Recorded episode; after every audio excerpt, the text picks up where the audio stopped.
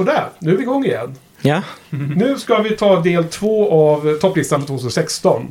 Och vi bröt ju efter plats 6 för allihopa. Så nu kommer vi köra topp 5 då, då ikväll.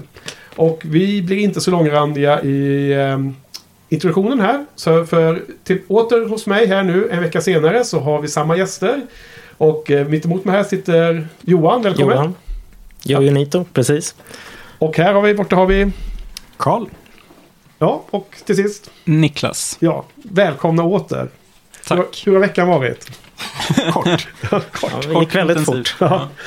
ja, nej men vi kör igång med en gång då. Så att, eh, då ska vi komma snart till plats fem och så vidare neråt. Men ni får rabbla lite snabbt era 10 till 6 då. Alltså för att påminna lyssnarna vilka platser ni hade. Om du börjar Johan. Mm.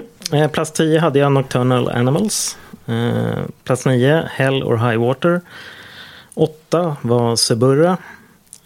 7 The Edge of 17 och på sexan hade jag Manchester by the Sea. Okej, tack. Carl. Jajamän, på plats 10 hade jag Nocturama. Plats 9 Swiss Army Man. Plats 8 Silence. Plats 7 Lemonade. Plats 6 Train to Busan. Just det. Och Niklas. Ja, jag hade på plats 10 The Witch, plats 9 L, plats 8 Hell or High Water, plats 7 eh, The Wailing och plats 6 Zero Days. Okej, tack. Och jag själv då hade eh, på plats 10 La La Land. Eh, plats 9 Hell or High Water. Plats 8 Moonlight. Plats 7 Deadpool. Och plats 6 Patterson. Okej, låt oss gå vidare med plats 5.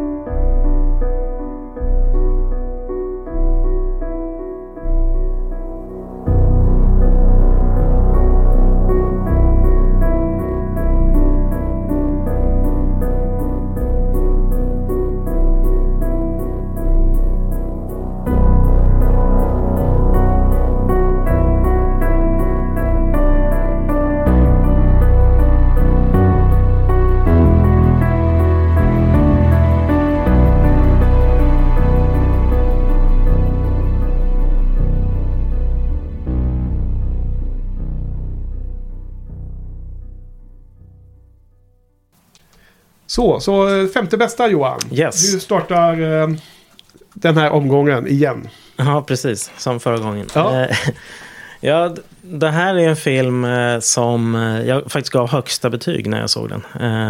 Men sen, är det som att, sen har jag liksom insett att den var inte riktigt perfekt. Nej. Så den har sjunkit lite. Och det är Jeff Nichols film Midnight Special. Mm. Eh, en science fiction-rulle. Han har ju tidigare gjort, eh, alltså inte science fiction-filmer alls, utan, eller i och för sig man skulle kunna säga Take Shelter kanske. Mm, Har lite sådana tendenser. Men eh, ja, han har ju gjort egentligen amerikanska indie-dramer, Ja. kan man säga. Ja. Och det här är ju också det egentligen, fast med ett science fiction-inslag. Givetvis är det Michael Shannon, heter han va? Ja. Som är hans favoritskådis. Eh, som spelar en pappa som kidnappar sin egen son från en sekt. Eh, och får då sekten och eh, FBI efter sig. Eh, ska vi inte säga så mycket mer än så. Eh, eh, han får hjälp av en eh, gammal kompis eh, att eh, fly. Just det. Vem är det som spelar honom? Eh, igen? Joel, nej, vad heter han? Joel Edgerton heter han va? Just det. Heter han Joel? Mm, ja. Mm. Precis, han är mycket bra i filmen också. Mm. Han är polis i den här filmen. Så att eh, han gör ju ett, ett speciellt val där att hjälpa sin eh, gamla kompis. Mm. Eh, eh, och eh, det utvecklar sig till en road movie kan man säga. Eh, och jag är ju superförtjust i, i, i road movies. Det är, Mm. det är nog en av mina favoritgenrer kan jag säga. Eh, så att det, det är ett mysterium. Vad, vad är det för speciellt med den här sonen? Eh, eh, varför är den här sekten efter dem och varför är FBI efter dem? Vad är det som händer? Det händer mystiska saker. Eh, det är något speciellt med den här sonen, men eh, ja, det får man ju reda till slut. Då. Men i grunden är det väl en, en, ett drama om den här pappans eh, liksom, kamp för att hålla sin familj eh, samman och göra rätt för sin son. Mm. Han... Eh, eh, ja. Eh, sen är det väldigt bra musik också. Eh, otroligt bra stämningssättande musik. Jag, alltså inledningen, så jag var totalt fast Mm. i den här filmen. Tyvärr Eh, gick det inte upp på bio ens ju. Nej, det gick inte upp på bio. Nej. Det, vilket är... Jag vet inte, det har hänt tidigare med...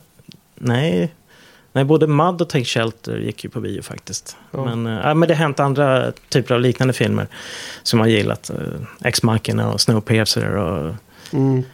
Det är liksom filmnördar har koll på filmen men det Ja. anses inte vara bred nog för distributionsbolagen att välja att sätta upp på bio, vilket är synd. Inte Nej, ens i det, Stockholm. det, liksom. det är en typisk sån här, mell, sån här film som hamnar i en sorts limbo. Den hamnar i en sorts mellanläge. Det är varken en sån här folkets biofilm eh, eller en, en blockbuster. Utan det är den här mellanfilmen. Ja. Jätteintressanta filmer. Vi har ju den här med Scarlett Johansson också.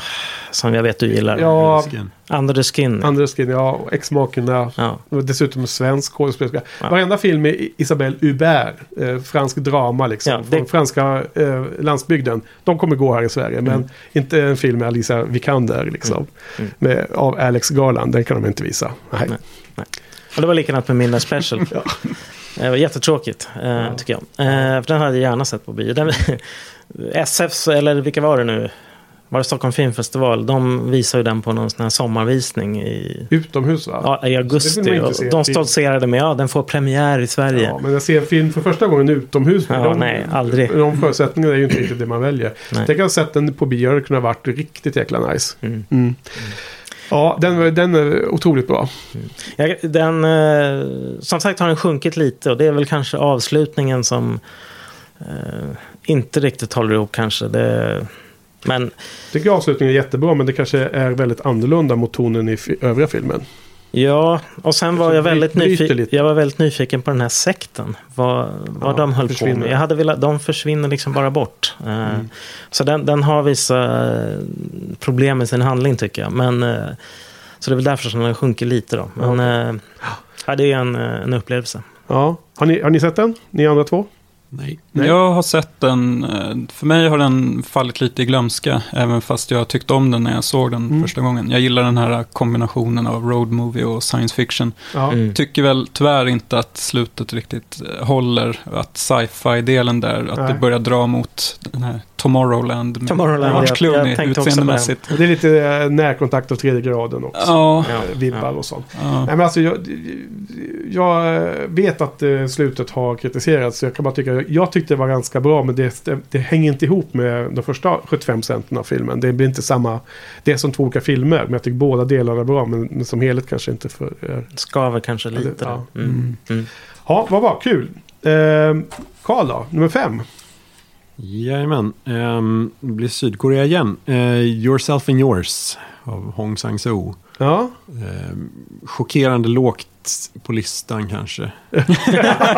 ja, jag reagerar ja också på det. vi, såg ju, vi såg ju den andra filmen. Allting hände två gånger. Var den från året innan eller? Ja, precis. Vad hette den? Right here, right Wrong na, now. right. Right, right then, wrong now. Nej, det. hette Eller den så? Wrong, wrong then, right now, eller vad var det? Right now, wrong then. Var det så? Right now, wrong then. Ah, Okej, ja. Mm. men nu var det en nyare film alltså. Jajamän.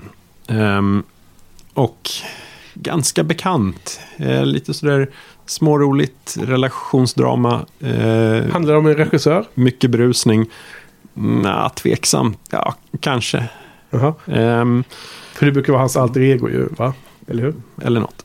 Ja. Ehm, han skriver om sånt som han känner till. ja. kanske. Men ehm, det är lite oklar tidslinje. ehm, om det finns någon. Handlar om en, en, en ung kvinna som vars pojkvän får höra från lite olika källor att eh, hon har gjort vissa saker som han tycker är olämpliga och att hon dricker för mycket och lite sånt där och hon känns inte vid det. Och eh, så får man följa dem lite, kanske att man får se vad som egentligen baserade de där ryktena eller kanske inte.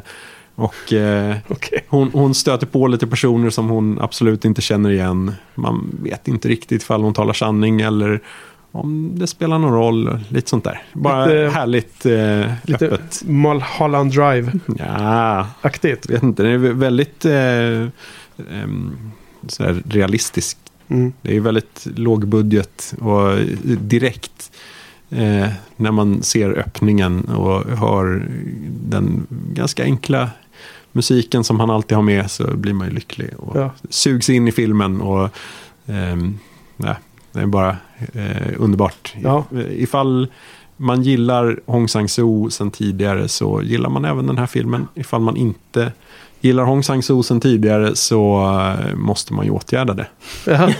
Genom att se den här. Du, det är en favoritregissör säger absolut, absolut. Men kan, kan det här fungera som en inkörsport till hans övriga verk? För jag har inte sett någon av hans filmer. Det, det inte jag tror jag absolut att, man, att den eh, funkar bra som. Mm. Mm. Okej, Niklas? Ja, jag, jag satt och höll masken där när ni började prata om Tickled. För det är min femte plats. Jaha, Två okej. dokumentärer. Får Två dokumentärer får på raken. Jag river lite? av dem eh, på en gång här. För det Men då ska du göra det ospoilande då, eller? väldigt ospoilande. Ja. För det här är ju lite en Får dokumentär. kittla våra sinnen. Kittlar. ja. Det är lite i andra spektrat där av dokumentärformatet då. För Ja. i, jag, jag kan tänka mig att i Zero Days så har man haft bilden väldigt klar för sig när man har, när man har tänkt göra den. Ja. Att, eh, det, här så är det ju tvärtom att eh, det är den här uh, nyzeeländska journalisten som eh, han, han i sitt program så han har nå- någon show där han eh, tar upp lite så här eh, små internetfenomen kanske. ja. Och så snubblar han över en sån här subkultur där folk tävlar i att kittla varandra. Jaha. Och det Hur, finns... hur går det till? Ja, ja det, jag tror att det är att man ska hålla ut så länge som möjligt. Att inte skratta eller? Nej, att säga att nu, jag ger mig, jag ger Typ. mig. Jaha.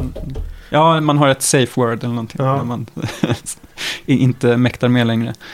Och eh, jag vet inte, det finns väl någon eh, lite erotisk aspekt av det här också. Eh, att det är någon typ av så här, ja, något mörkt är det. Mhm. Och eh, Är dokumentären inspelad i Nya Zeeland? Nja, alltså han, eh, han, eh, han upptäcker ju det här inledningsvis när han är i Nya Zeeland och sen så Sen börjar det hända saker som man kanske inte kan prata Okej. om. Men han, han blir ju nyfiken på det här och vill liksom nysta i varför det, vem, vilka är det som ligger bakom den här typen av eh, Ja. evenemang. Okej. Och det är när han gör det, försöker liksom kontakta ansvariga som, han, som det börjar hända saker som är lite otippade. Att Ja. eh, det fin- folk vill inte att han ska fråga om det här kittlande, de här kittlande mästerskapen och så vidare. Så han, han snubblar över en, en story kan man säga. Som Okej. sen spinner vidare till i andra riktningen, riktningar. Så han har ju världens, eh, världens tur då när han... eh, Just det. Mm. Jag, jag vet att det finns en, en, en extra liten bonusfilm. The Tickled King, eller vad heter den? Något sånt. Den har jag missat tror jag. Nej, som är liksom en uppföljning, vad som hände sen, lite så. Ja, vill man se den eller är det något Ja, som... den har jag hört. Eh, Är det på Slash Film? De ja, om de pratade om den. Han David Chen, Ja. hosten på eh, Slash Film, har ju... ja, för det var där jag hörde om det här. Jag har inte Mm. hört om den Nej. mer. Jag har hört om den där också. Ja. Och där var de ju splittrade i den gruppen. Men det var ju David Chen hade den på sin topp 10 och det var någon annan som var besviken. Men eh, spännande. Det, det är ju lockande att eh, det, jag ska nog absolut kolla på den här. För att skitsamma om den liksom topp 10 sen. Utan det är mer att det är kul med det annorlunda formatet. Kul med den här typen av eh, setup. Eller liksom själva bakgrundsstoryn. Mm. Den har ju legat på. SVT Play också. Ja, Va? Den har legat på SVT Play Jaha, för övrigt. är den kvar där, eller? Nej, jag tror inte det. Okej. Tyvärr, Så- jag hann aldrig se den. Jaha. Det är ju lite rättighets... Ja. Så jag tror den bara ligger 30 dagar eller något sånt. Ja. Det är inte alls samma sak men det som jag bara fick i huvudet liksom det är det här med Ni vet eh, Zero Dark Thirty, Catherine Biglows film. Hon skulle göra en film om den fruktlösa jakten på eh, bin Laden. Och sen så medan de gör filmen så hittar man honom så får hon göra om filmen. Liksom. Det blir lite samma där ju. Att man går ut med ett, ett perspektiv och sen så upptäcker man någonting längs vägen. Att det blir Mm. något annat liksom. Det var lite så du beskrev det. Ja, men lite hitta nya vinklar. Ja. Som, eh, Där tänker jag också forskar. på en film som uh, Wiener.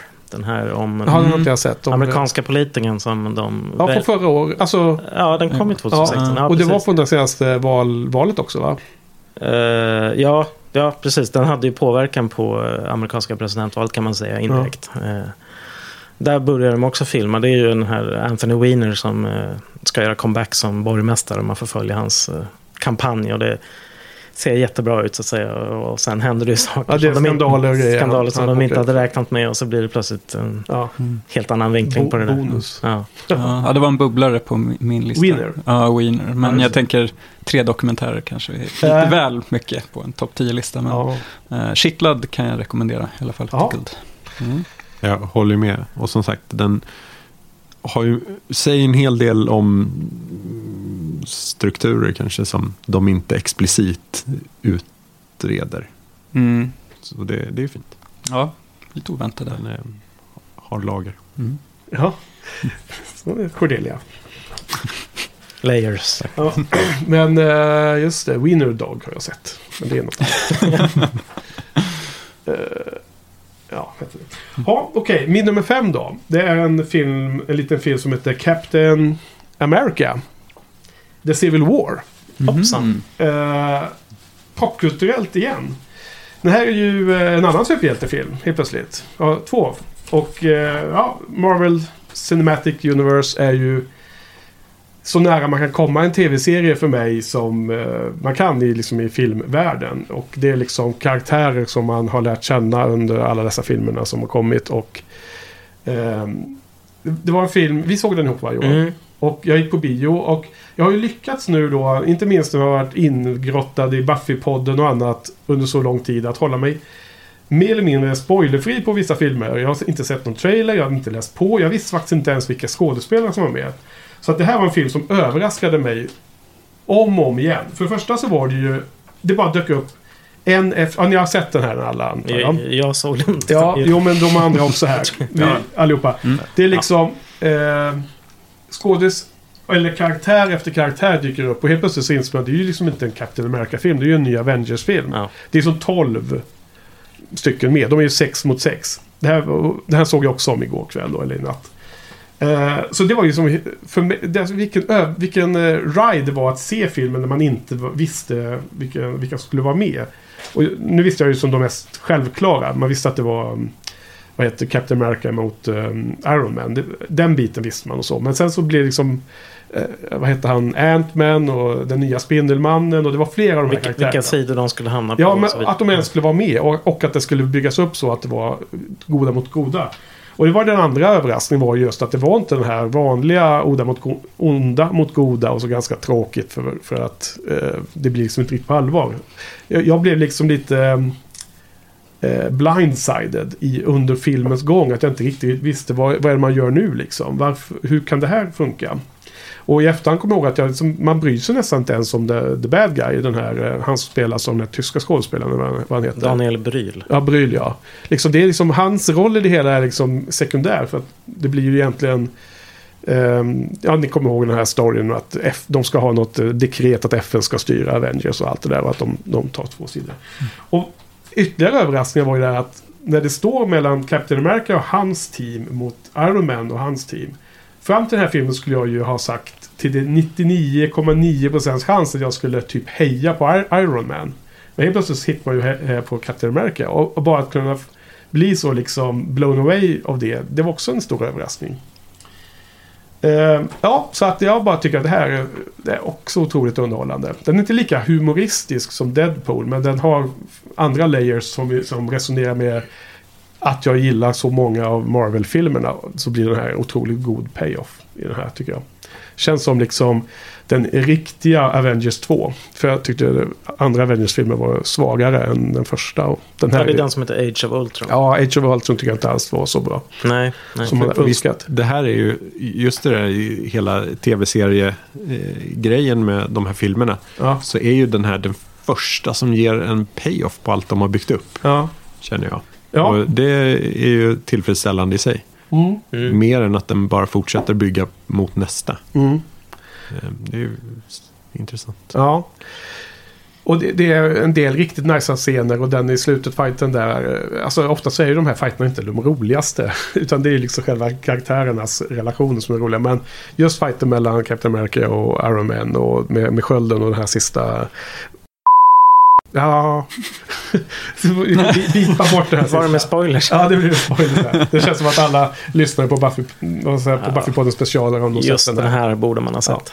Men det det har en bra, bra actionsekvens i slutet kan man säga. Nej, men du har rätt med den här actionsekvensen. Att det inte blev liksom en blå stråle och eh, hela New York var Ja. hotat. Utan det var liksom Mm. mellan dem. Ja, det blev på en personlig nivå. Det, och precis Mm. samma som Logan också gjorde sen. Som, ännu bättre, ännu mer personligt, ännu mindre eh, Mm. skala.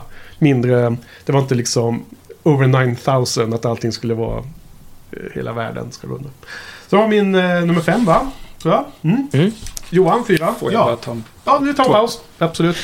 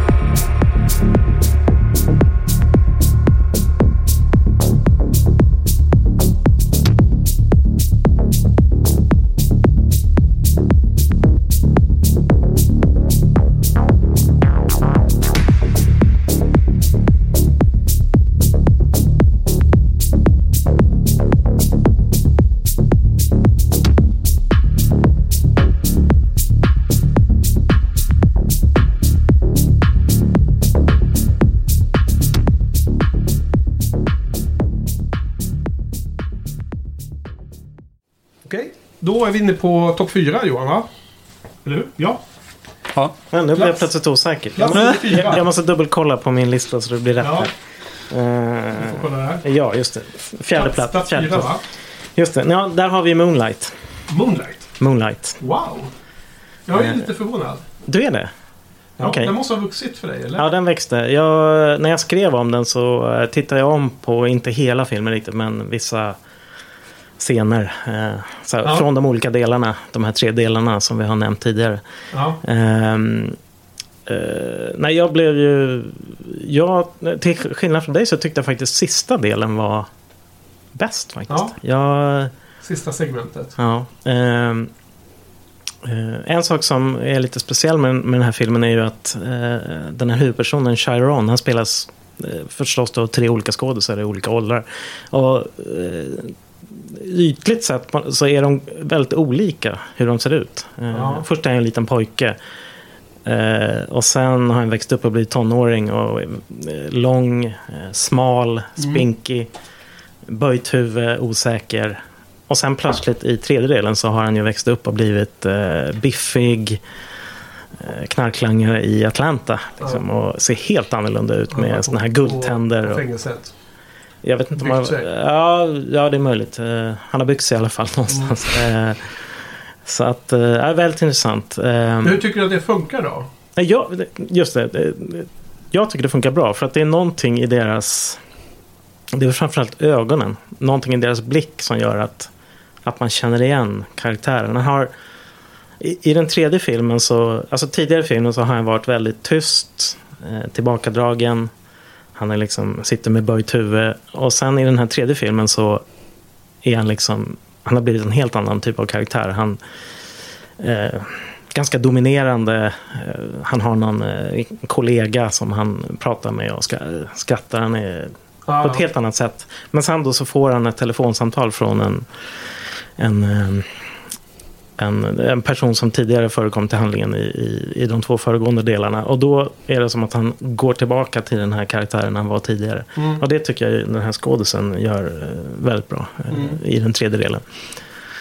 Det är väl ögonen som är Ja, det är ögonen. som gör att det hänger ihop. Mm. Att man ser att det är samma person. Fast Mm. det är tre olika skådisar. Mm. Nej, precis. Jag tycker ju att eh, de två första är mer konsistenta, smala, Mm. gängliga. Mm. Sen är det, man blir lite så här thrown off när man ser hans kropp där i tredje segmentet. Liksom, eller?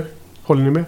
Ja, jag, Han är jag, Mm. jäkla bitig. ja, ja, Det är så mycket muskler över. Absolut, jag, det, det håller jag med om. Men eh, ju mer den delen rullade på och Mm. eh, så, så blev jag... Mm. Så kände jag att äh, jag köpte det liksom. Han Ja.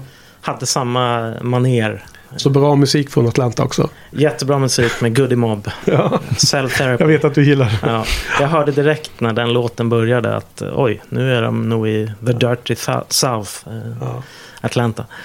De är i Miami från, Mm. från början, de två andra delarna. Eh, och sen tar han ju bilen och kör till den här restaurangen där hans kompis jobbar. Alltså, jag tyckte att en sak som jag glömde säga när jag pratade om Moonlight tidigare. Att vad som är så eh, naturligt i filmen som har gjort så bra av, vad heter han, Barry Jenkins. Mm. eller? Barry Jenkins. Att mycket av den här dialogen är eh, ofullständig. Det är, speciellt den här huvudpersonen, Chiron, är, har ju tyst som attan som du nämnde. Jag kom på den här kommentaren nu då. att eh, Ofta så tilltalas han och han svarar inte. Nej, Aldrig i scenen. Inte så att det är en lång paus och sen är det ett svar. Man, man sitter nästan och tycker så här, men, men säg något då liksom. Men så får det bara vara så. Filmen får bara fortsätta.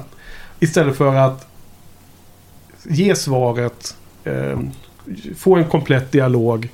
Så, så som det liksom borde vara för att det ska bli en bra eller komplett film kanske man kan tycka. Men istället så, så låter det vara mer som det kanske är naturligare på något sätt. Jag tycker det är en liten detalj som jag tänkte på nu när jag såg om filmen. Mm. Som väldigt bra. Mm. Mm. Ja. Eh, ja nej men... eh, Fjärde plats. Så det är fjärde plats, Moonlight. Okej. Du då Karl? Nummer fyra. Ja, ehm, där har jag Neon Demon. Oh. Spännande. Winding Refns Ja. eh, mästerverk. Ja. Så Eh, pass. Ja. Har du sett den Niklas? Jag har sett den. Ja, för vi har sett Det var, en, fyra. det var en resa. Ja. Mm. Mm. ja, Tripp. det verkar inte som alla tycker att den är så bra. Nej. Ehm, men eh, den är ju definitivt eh, vansinnigt snygg. Väldigt eh, överarbetad eh, bilder hela vägen. Minimalt med rörelse i de här kompositionerna. Ehm, fantastiskt soundtrack som pumpar på. Yes. Vad är det för musik nu igen? Det är väl mest, Vilken typ av musik är det? mest elektronisk. Elektronisk. Men det är bara stämningsmusik i bakgrunden? Det är inte kända låtar och sånt där eller? Nej. Det är Nej. helt instrumentalt i alla fall. Ja. Ja. Ja. Jag kommer ihåg mm, utseendet på filmen. Jag kommer inte ihåg musiken så väl. Ja. Ja. Nej. En, en eh, helhetsupplevelse för sinnena. Mm. Ehm, och ehm, det är ju ganska vanligt för honom att ha väldigt eh, genomarbetad yta på filmerna. Ja. Ehm, här eh, handskas den ju med en berättelse som också handlar om ytans betydelse. ja. Och eh, eh, då funkar den väldigt bra för mig. Den utspelar sig i modevärlden i Los Angeles i, nu, i nutid. Exakt. Någon eh, 16-åring som kommer dit och blir eh, uppskattad av alla. Ja. Alla vill sätta klorna Hon är i henne. Vissa blir Hon avis. är, hon är yngre Ja, än precis. de andra. Eh, Elle Fanning eh, är ju perfekt castad som den där eh, Ja. no- en narcissistisk docka på något sätt som bara eh, helt naivt insuper den här eh, känslan av validering. Mm. Och eh, alla Tycker du andra att hon var så bra då? I den där? Eh, jag tycker att hon fyller sin funktion perfekt, ja. Ja. Däremot de andra modellerna eh, får agera lite mer kanske. De som känner sig hotade och eh, blir eh, smått förnedrade av andra som då tycker att de är, är för gamla och slitna och har väldigt kort bäst före-datum. Eh, de agerar väldigt, väldigt kraftfullt med väldigt lite. Det är många, många starka blickar och ehm, många korta repliker som, som är Ja. väldigt kraftfulla. Såg ni den här på bio? Nej, jag såg den hemma här. Ja. Här i, i fåtöljen där. Okej. Absolut på bio. Var det det- måste ju ses på bio. Var det några som lämnade salongen eh, under visningen? Det finns ju framförallt mot slutet ganska grova scener. Ja, jag tänker på utspelas på ett bårhus, tänker jag. Ja. Ja, det där- jävla på en bår. vid- På en bår. Ja. Som är bevis på att han inte går att lita på den här regissören. Man är inte i trygga händer. Nej, så det, Ja, det han, kanske beror på. han har, det känns som att han har en väldigt bra grepp om vad han vill göra. Och eh, lyckas med det här. Inte för mig. Alltså jag tycker att det, det är ett fall framåt om man jämför med Only God Forgives. Ja, Men då absolut. hade jag också, då gick jag in med helt andra förväntningar. Då ville jag ha en ny drive. Ja. Mm. Nu förstår man ju lite mer att han, han tänker inte riktigt hålla sig inom de här äh, ramarna. För, Nej, var, för varför göra bra film om man kan göra pretto-film? ja, men han leker lite med formen i alla fall. Ja. Tycker jag. Han är spännande på det sättet. Sen tycker jag inte att den kanske höll ända fram, kanske sista tredjedelen, att det inte riktigt funkade för min del. Men Eh, jag tyckte Jenna Malone var väldigt intressant i filmen. Är det inte hon heter? Ja. Hon som är den där... Hon är sminkös eller vad hon är. Mm. Något sånt. Mm. Eh, och sen Elle Fanning. Alltså nu blandar man ju förstås ihop de här Fanning-systrarna. Men de är ju... De brukar alltid vara helt fantastiska. Och jag kände inte riktigt att jag var så här blown away av henne. Vilka har Elle Fanning gjort tidigare? Super 8. Super 8. Ja, där var hon ju bäst i den Jättebra. filmen. Mm. Och så är han med i eh, 20th Century Women. Ja, okej. det är hon ja. Eh, Hon är den äldre systern alltså. Nej, den yngre. Eh, yngre. Vad heter- vad heter den Dako- andra? Dakota. Ja, men är de tre eller? Ja, Eh, nej, nu, Jag tror de är två. nu är vi helt förvirrade. här. sorry, sorry lyssnare. Ja, i vilket fall som helst. Vem av dem är det som är med i um, Man on Fire? Dakota. Okej.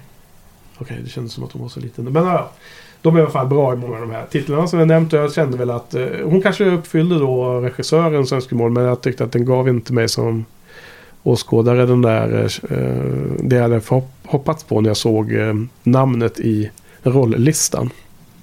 Mm. Det är inte direkt en, eh, en skådespelardriven film. Utan det är mycket den visuella känslan Ja. kanske som trycker på. Det är kanske är Eh, därför det inte funkar för mig fullt ut. Sen kan man ju eh, kanske då tycka att det är en, eh, en tveksam, väldigt manlig tolkning av de psykologiska teman som den på något sätt behandlar. Ja. Med, med den här narcissismen och valideringsbehovet och eh, någon sorts ytlig darwinism. Mm. Så, eh, och, men det är ändå intressant att se hans tolkning av det, tycker jag.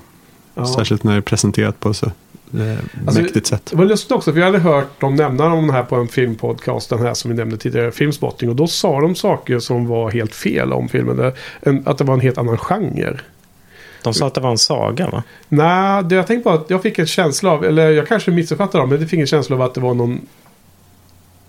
Att det var vampyrer med i filmen. Och det Ja. känns ju helt fel. Men jag tror de beskrev de här eh, avundsjuka modellerna som vampyrer va? Ja, men det var de ju inte. Så att det var ju... Ja. Eller? kan väl diskuteras. kan diskuteras. alltså, det är ju en, en eh, form kanske av vampyrism. Om, om man tycker att någon som Elisabeth Báthory är vampyr, eh, kanske. Eh, Snarlikt hon som eh, badade i Ah, ja. blod för att bli ung och vacker. Mm, ja, ja, okej. Så, Ja, okej. Ja, ja. Nej, jag, jag var störd av den här filmen. Alltså. Ja, du gillar den Johan. Jag gillar den. Ja. Jag, jag är förtjust. i den. Bubblare eller? Ja, det är en bubblare. Ja. Ja. Ja, okej. Nej, men det är härligt. Det var en utmanande film för mig, skulle jag säga. Eh, uppmanar alla lyssnare att titta på den själv och göra sin egen slutsats. Snygg, som sagt. Mm.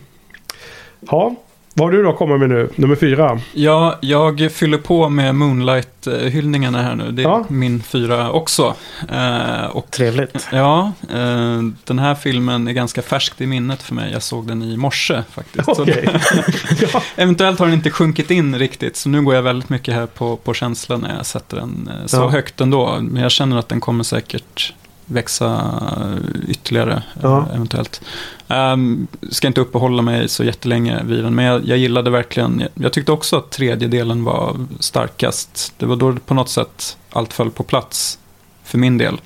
Och så gillar jag, det är väl ganska beprövat att dela upp eh, filmen så här, i tre delar. Typ eh, Place Beyond the Pines gjorde väl något liknande. Att Ja. man liksom flyttar sig lite i handlingen. Men jag gillade att man, eh, man som tittare fick fylla i ganska mycket själv vad som hade hänt mellan de här Just det, just det. bitarna. Kommentarerna om han eh, Johan där. Vad heter han? Juan. Ja, Vad hände med honom? Ja, precis. Han, han måste ha dött ju. ja um, där fick man sitta och fundera. Ja. Och så är jag glad att man inte behövde se någonting i det här ungdomsfängelset. Att Ja. den delen var bortklippt. För jag, jag vet inte. Nej, Det, det, det, det var inte, hade inte varit intressant för mig. Ehm, mm. ja, jag gillar att den håller sig eh, inom, ja, under liksom två timmars sträcket. Det Ja. känns som att den Ja, men- annars... de är ungefär 36 minuter långa var. Det, Var det? för sista delen känns ju mycket kortare. Ja.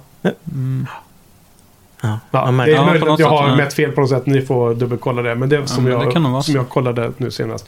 Det är ju ganska mycket det med hans mamma och han eh, träffar henne och så. Naomi Harris är ju den enda som är med i alla tre delarna för övrigt. Och hon var ju med så himla få dagar. Det var tydligen mitt under Tre dagar. Ja- James Bond eh, PR-touren som var hon där och filmade. Okej. Hon fick ingen visum. Så att, Ja, det var därför det var så. Ja. Ja. Hon är brittiska spelar amerikanska här och ganska trovärdighet. Och hon är ju jättebra. Alltså jag, jag tycker det är så häftigt att nästan hela filmen genomsyras av den här Juan. Alltså han, han är så närvarande Mm, den den lever kvar. karaktären. Mm. När ni ser honom med hans bil när han åker ner till eh, Miami där i slutet för att hälsa på. Eh, så, så, bilen ser identisk Mm. ut inuti. Han har en liten krona stående. kronan ja. Som, Mm. som han hade och så också. Så att det är så många grejer där som det finns så mycket layers där. Ja, en snygg detalj som jag inte Mm. ens tänkte på. Men Ja. eh, jag måste väl se om. Så. Och sen att han var också var eh, mot alla förväntningar den här Juan. Han var ju högt upp i eh, knarklangar-hierarkin. Han hade ju liksom folk som jobbade för sig och han var liksom herren på täppan där på något sätt. Och ändå så var han ju väldigt eh, eftertänksam och eh, vis och Mm. god. Mm. Det var en Som- sak jag tänkte Som han på. beskrivs. Inledningsscenen där han eh, besöker sin eh, dealer som står Ja. på gatan. Så liksom, det första han frågar är liksom, ja, hur är det med mamma? Ja. Hur är det med din mamma? Hon, man vet inte vad som har hänt men han är Ja. liksom eh, Omtänksam. omtänksam där. Ja, det, jag tycker det framkommer väldigt mycket sen i hela relationen med det lilla barnet och framförallt när de är hemma hos dem. Och när de pratar om, när han frågar om vad faggot är och när han frågar om hur man vet om man är gay och sådär. Den dialogen tycker Ja, jag den är scenen, den... otroligt. eh, Då är det dammigt i rummet. det är den sista, sista scenen i första delen. Ja. Mm. Det är som breakdown. Dammigt då. Mm. Mm. Okej, då ska jag, eh, vad heter det, eh, få upp stämningen här igen då efter.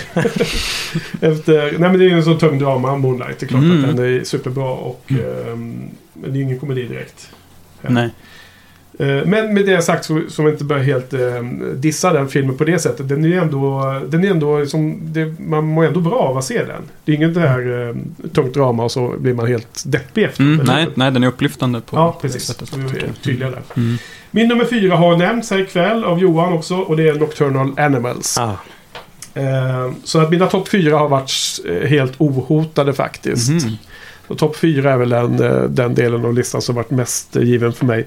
Är det fem plus-filmer allihopa egentligen? Eh, ja, alla har inte fått fem, men det är ju inklusive hur de har levt i huvudet efteråt. Då, då. Några har fått fem direkt. Eh, den här fick femma direkt. Eh, alltså det så tycker jag Amy Adams är ju helt fantastisk i den här filmen. Och jag tycker att eh, de här olika tre eh, perspektiven, eller delarna, de olika tre eh, eh, nutid, dåtid plus den eh, filmatiseringen av boken hon läser är eh, likvärdigt bra. Alltså inte att den här nutiden som du sa var så kall och så är drar ner filmen. Jag vet att den, den åsikten har funnits liksom att Mm. man skulle bara vilja ha det som händer i boken. mm. Mm. Eh, tycker, har ju tyckts då av folk och, och jag känner väl att jag tycker att det finns en bra balans där men ehm, med det sagt så är ändå scenerna från boken bäst om man säger så. Men det blir en himla häftig effekt av detta. Och är den så otroligt snygg. Alltså det, det är... Du har varit inne på det också Karl, här, nyligen Neon Demon och så vidare. Men här är det visuella otroligt viktigt med de nutidsscenerna.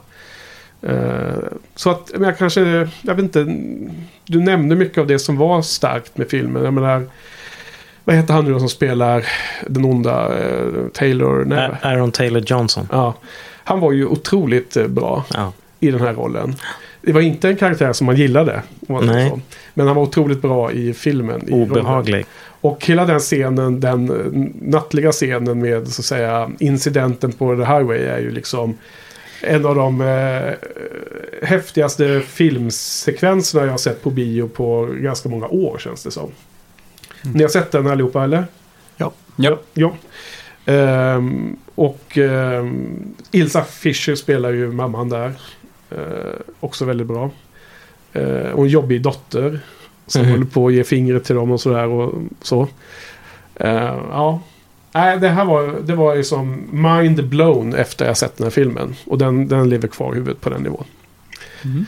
Mer kommentarer? Nej? Jag, kanske, jag vet, minns inte om jag sa det, men väldigt bra musik också. Stråkmusik. Just det. det men det, ja precis. Eh, jag känner inte till Nej. kompositör och sådär, men eh, det finns en eh, scen i boken där, en sorts uppgörelsescen där det liksom är ett repetitiva stråkar som kör liksom hela tiden under kanske fem minuter. Ja. Och jag, ja, då Ja. satt jag verkligen på kanten av sätet. Ja, just det. Michael Shannon var det också vi skulle Mm. nämna. Eh, han är ju himla bra här. Jag kände knappt igen honom. Han var mycket, hade smalnat av sig kändes det som. Han var mycket tunnare än, än typ Take Shelter och så här. Men det, så såg jag det i alla fall. Och han spelar ju en väldigt uh, udda polis här. Och, och hela den här eh, Layers liksom vad författaren till boken menar med det han beskriver. Och vad budskapet till sin exfru egentligen är. Ja, jag tycker det är en fantastisk helhet i den här filmen. Mm. Mm. Då är vi inne på topp tre. We are heading out to sea, and however it'll be, it ain't gonna be the same. Cause no matter what we see when we're out there on the sea, we ain't gonna see a dame. We'll be searching high and low on the deck and down below, but it's a crying shame. Oh, we'll see a lot of fish, but we'll never clock a dish. We ain't gonna see a dame. No days. We might see some octopuses. No days. or a half a dozen clams. No days. We might even see a mermaid. But my mate's got no hair.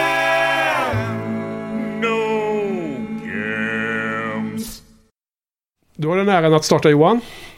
Just det, nu...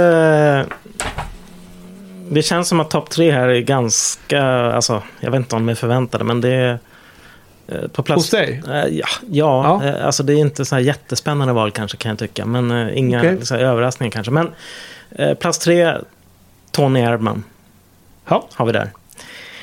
Tysk drama med absurda och komiska inslag. Eh, regissören heter Maren Ade. Kvinnlig re- regissör. Kvinnlig regissör, ja. Eh, hon har hållit på ett tag men inte gjort så många filmer. Eh, kanske hennes tredje, fjärde filmen och sånt där. Eh, ja, eh, den här filmen såg jag nere i Malmö filmdagar. Den Klart bästa filmen som jag såg där nere. Otroligt eh, speciell. Otroligt många lager som man brukar prata om. Ja. Eh, Ja, har alla sett den?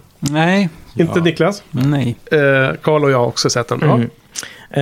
Eh, den, är, den är lång också. Mm. Eh, Ganska långsam. Så att eh, om man har problem med långsamma filmer som kanske, där det inte händer sådär jättemycket så... Ja, man, man får helt enkelt bara låta sig sjunka in i den helt enkelt. Eh, Det finns ju filmer som är en- 1.40 som är, känns längre än den här. Ja. Och det finns filmer som är 2.45 som känns korta liksom. Så att det där är ju alltid en fråga om hur man kommer in i filmen. Precis.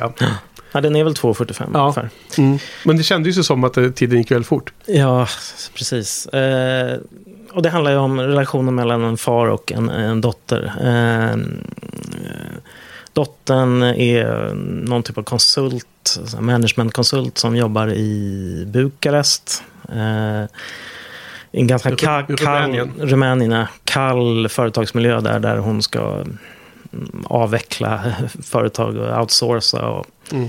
otre- Se, upp folk. Ja, otrevliga saker. Eh, pappan kommer på besök, oväntat besök. Eh, dottern känner sig obekväm med, med hela situationen. Eh, pappan är en, en, en jo- joker, en practical joker. Klär ut sig till en... Han säger att han är livscoach. Eh, och eh, med en peruk och löständer och eh, går loss. Och infiltrerar sig in i hennes liv med kollegorna. Stor humor uppstår, skulle jag vilja säga. Samtidigt som den har mycket att säga om just det här företagsklimatet, samhället. Det finns allt möjligt. Jag skulle nog vilja se om den här när jag tänker efter. För att eh, det var ett tag sedan jag såg den. Men eh, eh, jag jämför den lite med... Det, det känns som en väldigt europeisk film.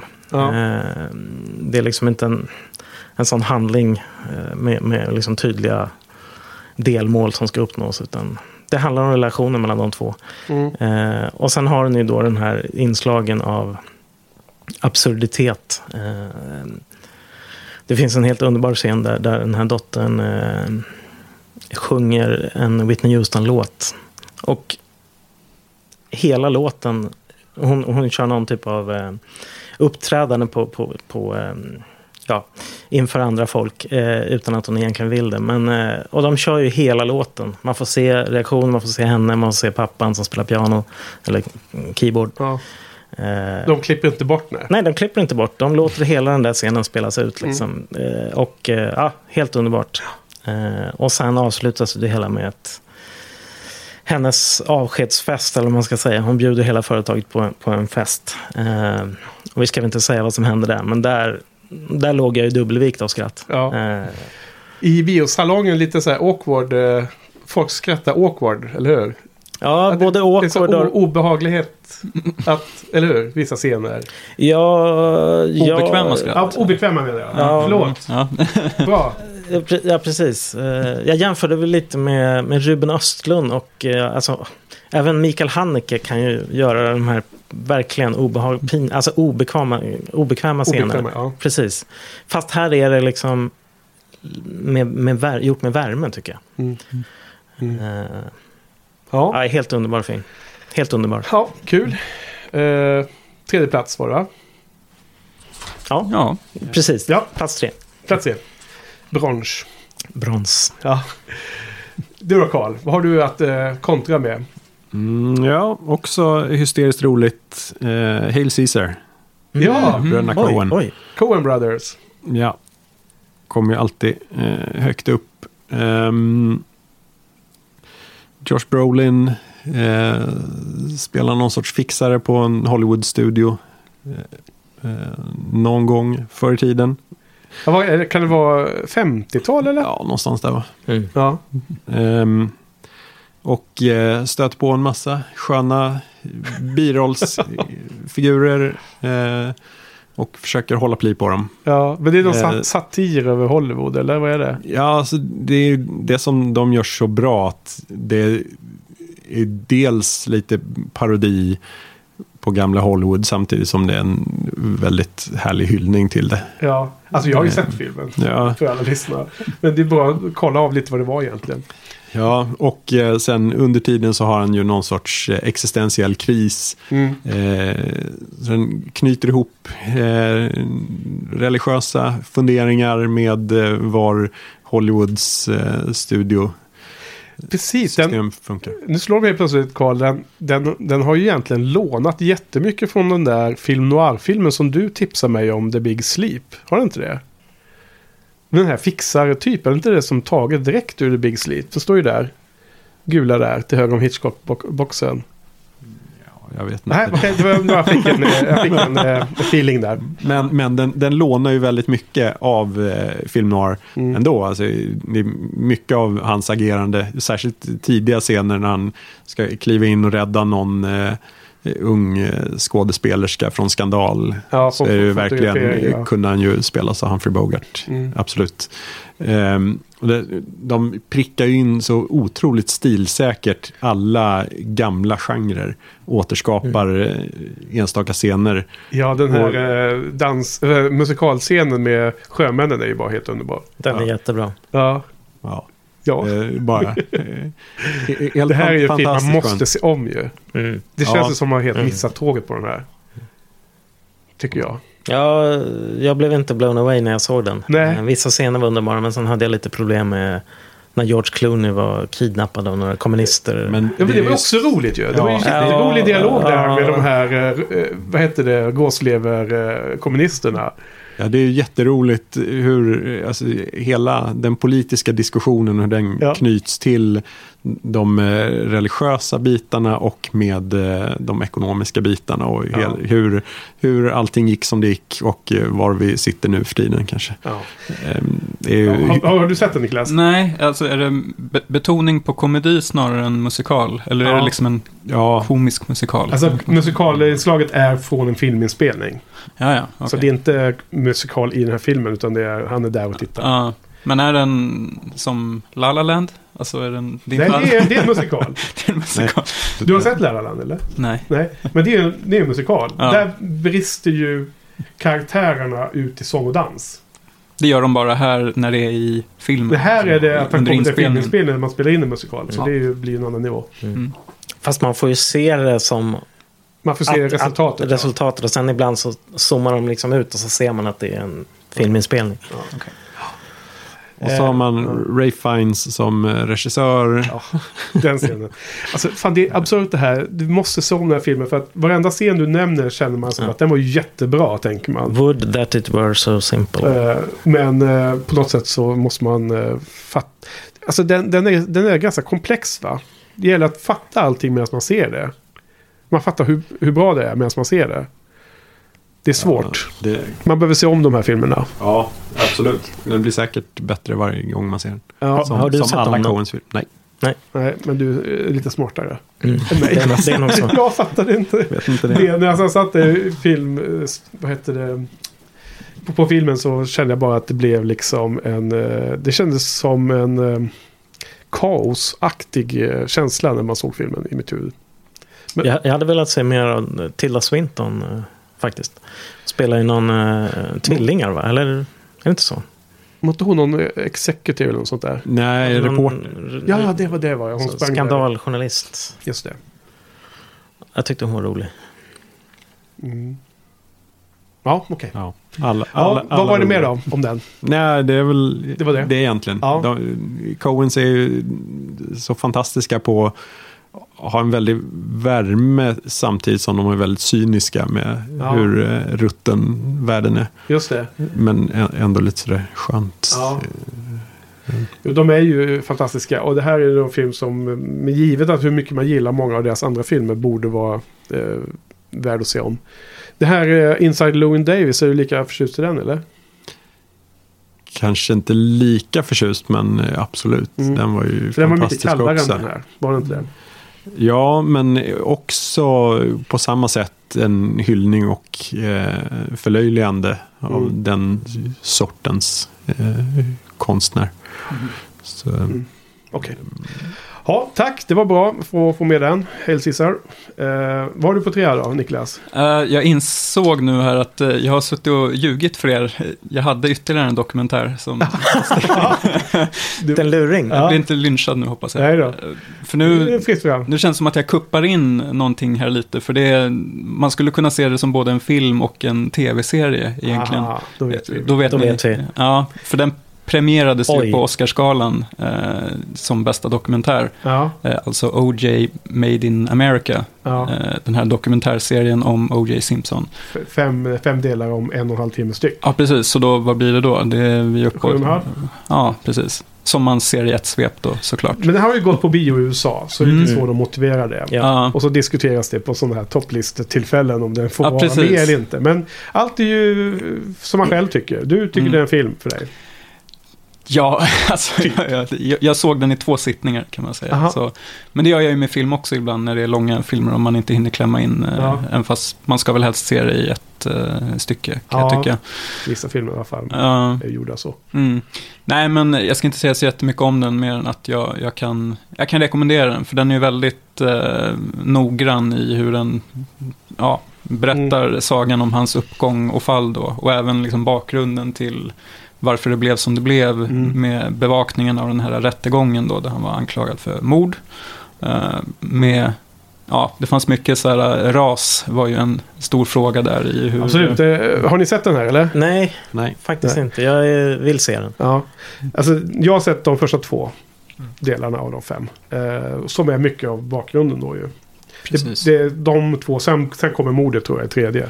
Ja, exakt. För jag tror själva rättegången är nog bara en av de här fem delarna. Mm. Den bästa delen är ju den femte och sista som, eh, ja, som berättar om det som, i alla fall jag inte hade så mycket koll på, det som hände liksom efter han blev, spoiler, eh, frikänd Ja. från det här mordet. Ja. För, för det, ja, det är typ det mörkaste jag sett i, i Ja. år, i alla kategorier.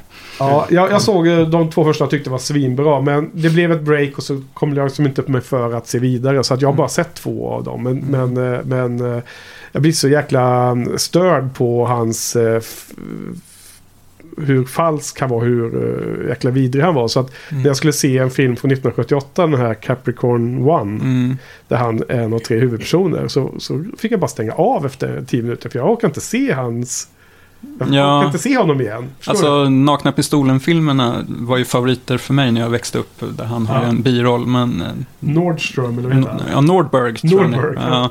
När man ser dem nu, Ja. nu så, så det är ju någonting som inte sitter helt rätt. Men man är liksom, inte när lika positivt eh, orienterad till Nej, skådespelaren. Nej, jag tyckte kan, han var kan inte se jätterolig. igenom det. Nej, för man förstod ju liksom att eh, det finns ett mörker där bakom. Otroligt.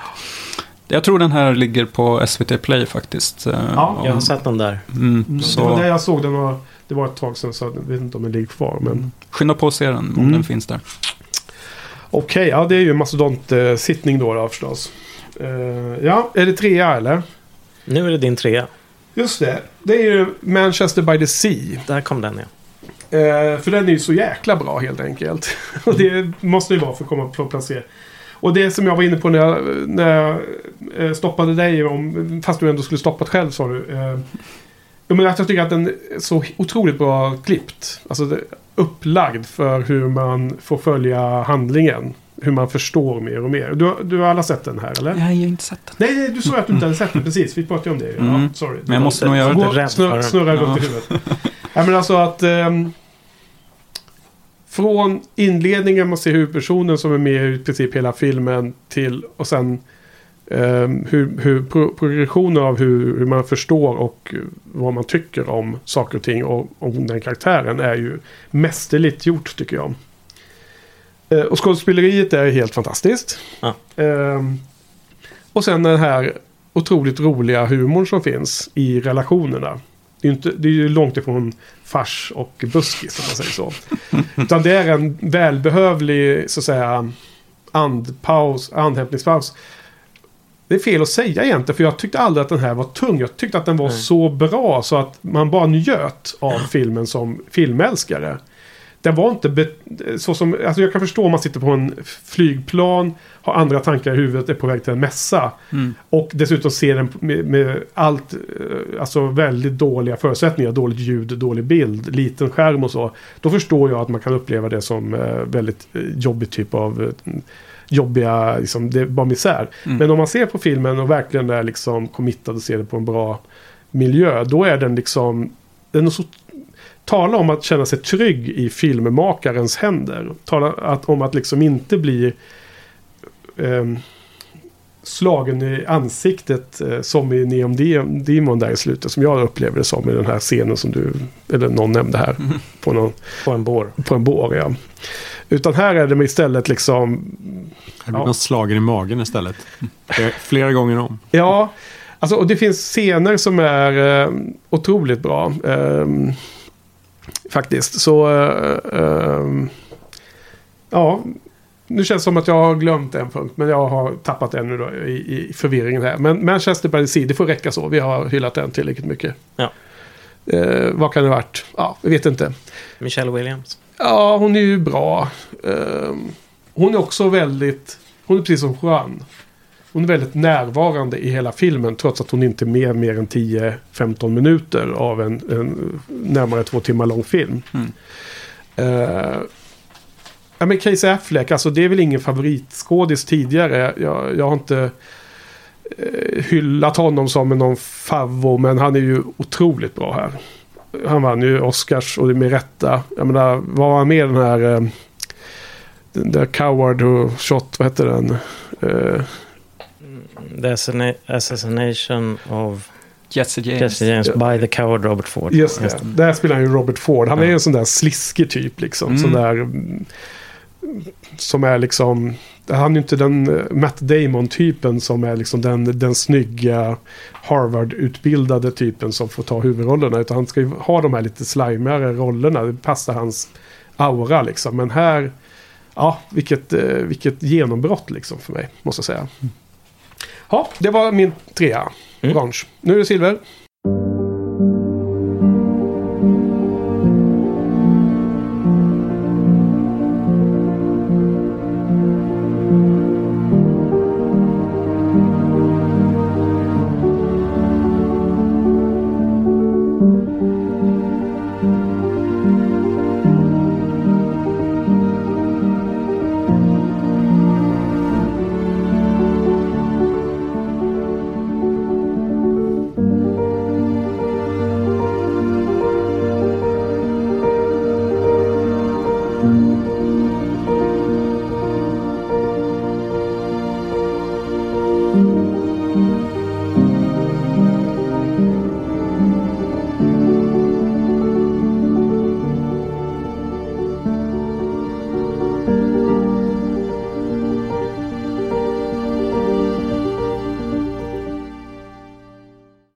Silverplats. Ja, Då kommer vi till eh, min första och enda superhjältefilm. jaha. Eh, Captain Fantastic. Det är fantastiskt. Precis, Captain Fantastic. Ja, eh, ja, det är ingen som har nämnt den tidigare. Nej, det är det inte. Nej. Nej. Eh, ja, eh, det är Vig- Viggo Mortensen som spelar en pappa som... Eh, han eh, uppfostrar sina barn ute i skogen i, vad blir det, nordvästra USA, uppe i skogarna där. De får, eh, ja, de är helt bortkopplade från, från samhället. Eh, eh, sen... Eh, eh, hans... Eh, eh, Han hade, har ju haft en fru som har gått bort eh, numera. Eh, och mm, hon är egentligen inte, hon är inte med i filmen eh, utan det här utspelar sig då efteråt.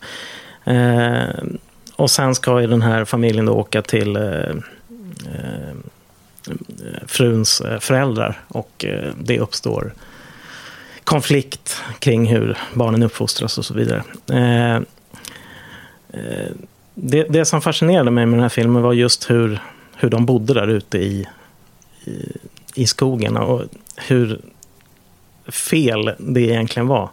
Men, men samtidigt så, så blev jag väldigt fascinerad över hela, hela det upplägget eh, som de hade där ute. Eh, jag, jag kommer att tänka på den här, det finns en svensk dokumentär som heter Gubben i stugan, tror jag den heter. Om en eh, gammal man som bor ute eh, helt ensam i en stuga i, i, i skogen i Småland, tror jag det är. eh, Och eh, lever sitt liv eh, på liksom naturen och det som händer. Eh, helt bortkopplad från internet och allt sånt där. Eh, och det, är det är likadant här. Eh, eh, sen då när, när... Det finns ju givetvis problem med hur, hur han uppfostrar sina barn. Och de kommer ju liksom inte vara redo för världen.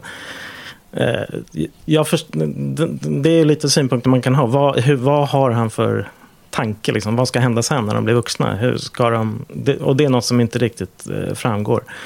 Eh, men det som jag gillar framförallt... Kanske inte behöver framgå heller. eller? Eh, nej, fast man kan ju peka på det som en brist liksom kanske. Men, eh, eller så är han helt enkelt så att han inte har någon plan. Jag, jag, jag vet inte, men eh, det, som, det som gjorde att jag kapitulerade för den här filmen är ju just när Viggo Mortensens pappa här nu börjar liksom inse att det han gör kommer inte funka i längden. Mm. Och Eh, när ändå... Eh, ja, nu vill jag inte försöka prata om det här utan att spoila, men eh, om man säger så att mm, rollfigurer som eh, växer, kommer fram till att eh, kommer fram till någonting och sen ändå inte blir eh, sviken av dem han tror han, som liksom han ska bli sviken av. Mm. Just eh, sådana vändningar liksom gör att jag Mm. bryter ihop totalt. Eh, och eh, ja, jag älskar den här filmen. Den, eh, Men jag, jag trodde att det var en komedi, men det, det låter inte riktigt som... Eh, nej, alltså ja, det är konstigt det där. För just i det här fallet så uppfattar jag inte som en komedi. Även om det finns eh, givetvis roliga Men det här är väl, inslag. det här är väl ganska, eh, precis som vi har sagt tidigare, det här är väl liksom drama med roliga inslag. Ja, Så det skulle kallas för dramakomedi om jag skulle bara sälja in det med en genre, en enda genre. Men jag håller med om att det är mer en drama än en komedi. ja, för mig var det mycket mer drama. Eh, sen har den roliga inslag. Eh, Alltså, eh, jag har också sett den här filmen och jag tycker att det var... Den här är ro- roligare än Edge of 17 till exempel. Båda är ju samma genre. Jaha, det tycker du? Jag tycker den här är ju otroligt mycket roligare. Den här Okej, är vad intressant. laugh out loud-rolig i ganska många partier. Jag tycker precis tvärtom. Vad Ja, vad intressant. det, det är lite hur man... Ja, jag tyckte den var sorglig. Mer då. Ja, jag tyckte, jag tyckte sorglig och berörande. Den här är också mer drama än Edge of 17. Mm. Den här är mycket djupare och, och Mm. bättre Ja, det, film. det finns mycket att fundera på och tänka på i den här filmen. Eh, det, det som stör mig är ju just eh, om, alltså, postern till filmen. För då får man intrycket av att det är en Ja, Wes precis. Anderson-komedi. Ja, Det, det är liksom, de står uppställda och har den här bussen som de åker med från... Ja, eh, det är ingen Wes Anderson-film, men det... Nej, men det är den känslan man får Exakt, på den jag håller med dig om Ja. det. Men det skulle kunna vara ett Wes Anderson-manus som tas av en annan regissör och görs på ett annorlunda sätt än vad han skulle gjort själv. Mm. Skulle jag kunna eh, vilja hävda. Skulle vara så. Ja, Det här är ju en sån där väldigt, väldigt Sundance film. Mm. Som, American eh, Independent. Ja, sen, jag uppskattar ju eh, allt det där i berättelsen. Att den är så balanserad eh, mellan eh, att man förstår motiven och man ser mycket av det de, de gör bra. Men samtidigt att det är inte hållbart. nej. Däremot så satt jag och avskydde eh, hela look and feel på den. Gjorde du? Musiken eh, gi- vidrig. Var, eh, hela mot, motljuset och allt sånt där. Funkar. Ja, alltså. Det här är ju min nummer 11. Är det. Mhm. Min första eh, bubblare. Min bästa bubblare. Mhm. Otroligt bra barnskådespelare. Mm. Som är helt fantastiska. De är väl sju barn där. Det är väl vissa som är mer. sex. Är de sex stycken? Sex, Ja. ja. ja. Tre pojkar och tre flickor. Olika åldrar. Ja. Ja, jag, eh, jag hade vissa issues med filmen. Men eh, den är helt klart bra. Väldigt bra. Mm. Mm. Och, men jag tyckte väl som sagt det var mycket roligare än vad du kanske tog med dig därifrån. Jag tyckte det var många scener som var... Så hade jag själva... Jag var inte alls lika positiv över... eh, jag var inte lika eh, bedårad av valet att vara ute i skogen och den biten. Mm. Jag såg bara de problemen runt det. Mm. Som jag då tycker filmen egentligen handlar om. Jag tycker det, det finns scener i slutet som ehm, indikerar ett problem som, som ehm, lämnas outtalat och som jag vet att vi har diskuterat lite Johan. Och som jag tror att man kan se filmen på olika sätt om. Jag är ganska... Jag, jag känner ju starkt för den, den, den eh, vinklingen av filmen som jag fångade. Mm. Men, men det blir väldigt spoileraktigt så det får vi ta off, off mic. Mm. Mm. Mm. Men den eh, kan jag också rekommendera. Men vad säger du Karl då? Eh, Rekommenderar filmen för någon som kanske kan uppskatta annorlunda look and feel? Ja, absolut. Ja. För den- alltså, den är bra och dålig, tyckte jag. Mm. Samtidigt. Mm. Mest split, mesta vattendelan för mig personligen. Ja, Inne i dig. Internt Ja, ja, huvud. exakt. Både och, ja. Inte bara vattendelare mellan olika eh, folk, kategorier av åskådare, utan ja, det är intressant. Mm. Ja. Yes. Och du har inte sett den? Nej, men jag känner att jag måste göra det nu. Men jag tror att det är postern som har fått mig att Ja. liksom Nej, den hålla fick, mig borta. ja, det drog, tog väldigt lång tid innan jag såg den. För den där Mm. posten fick, fick, ing, fick fel intryck av den. Ja. Det finns redan massa sådana här fan-art som man kan välja någon Ja, poster. okej. på sånt. Jo, när jag postade mitt inlägg så försökte jag hitta någon, någon, någon bättre poster. För den där Ja. gav fel känsla tyckte jag.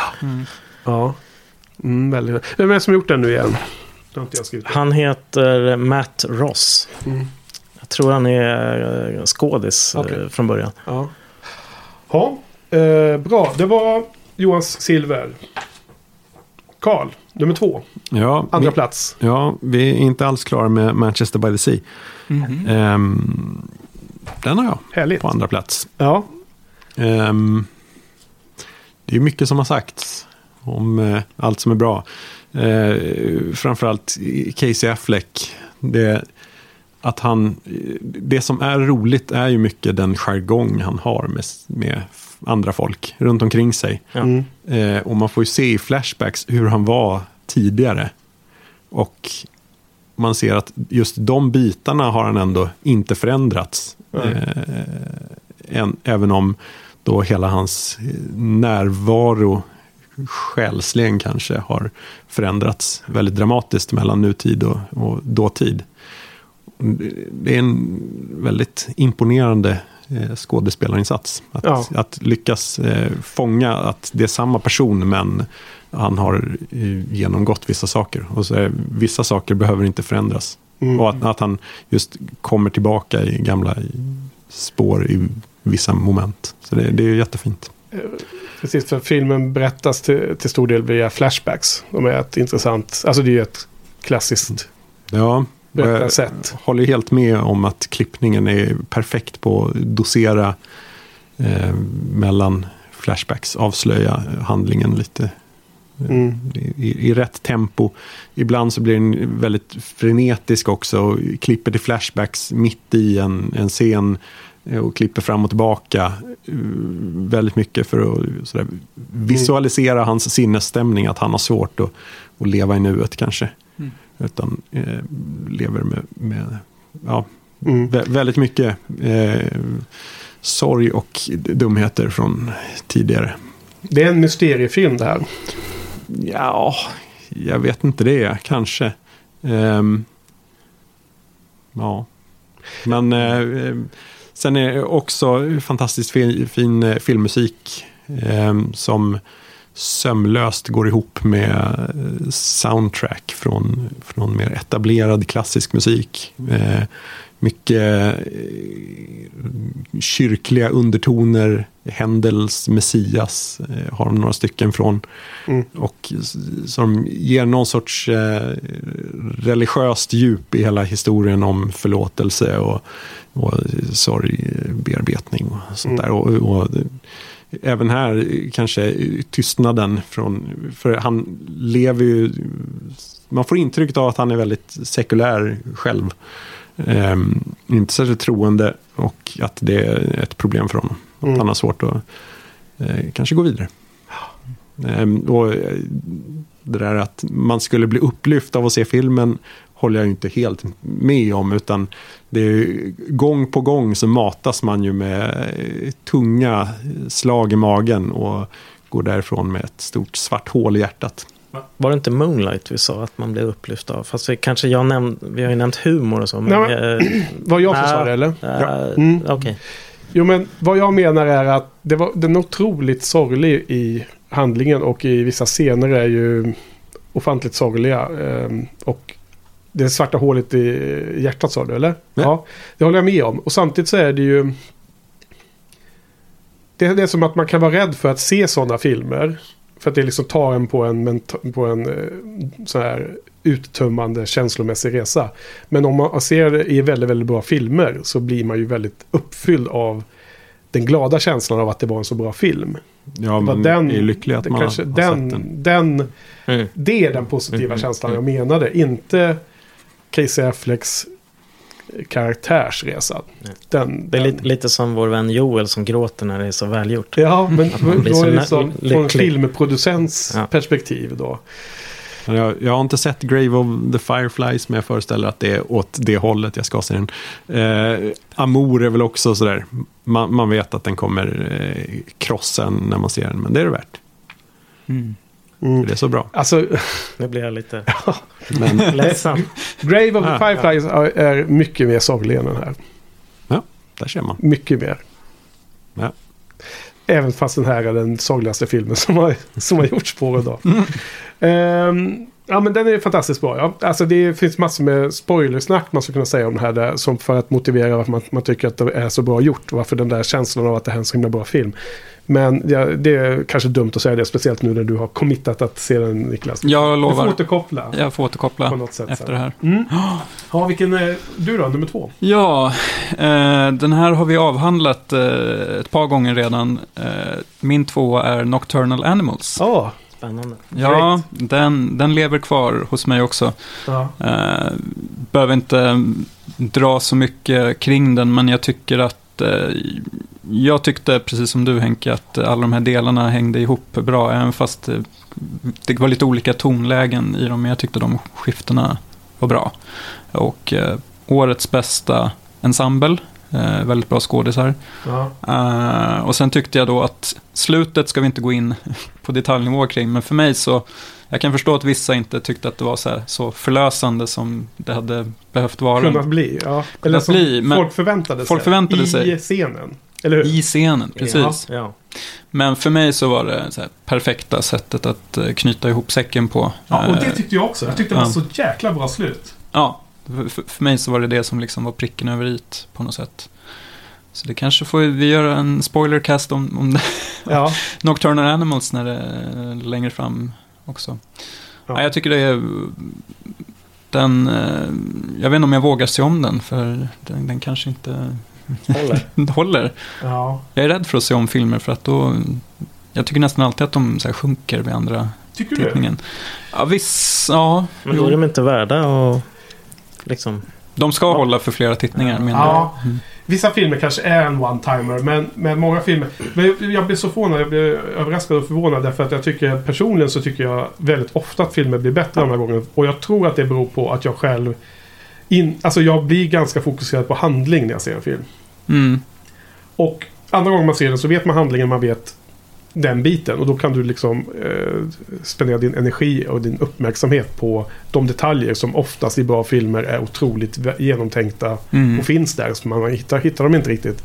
Det är kanske därför jag måste se om eh, Hail Caesar. För jag tror att jag blev liksom over, overload. Mhm. Och liksom lyckas inte sortera ut allting. Behöver se om den för att kunna se det briljanta innehållet. Vad är det som man, man ser inte skogen för alla träden eller säger man tvärtom? Träden för skogen. Nej. Nej, det är första gången. Ja, det är första gången. Det är som man kan säga, fel. Det är bäst att man Mm. disclaimar. Alltså, så det blir.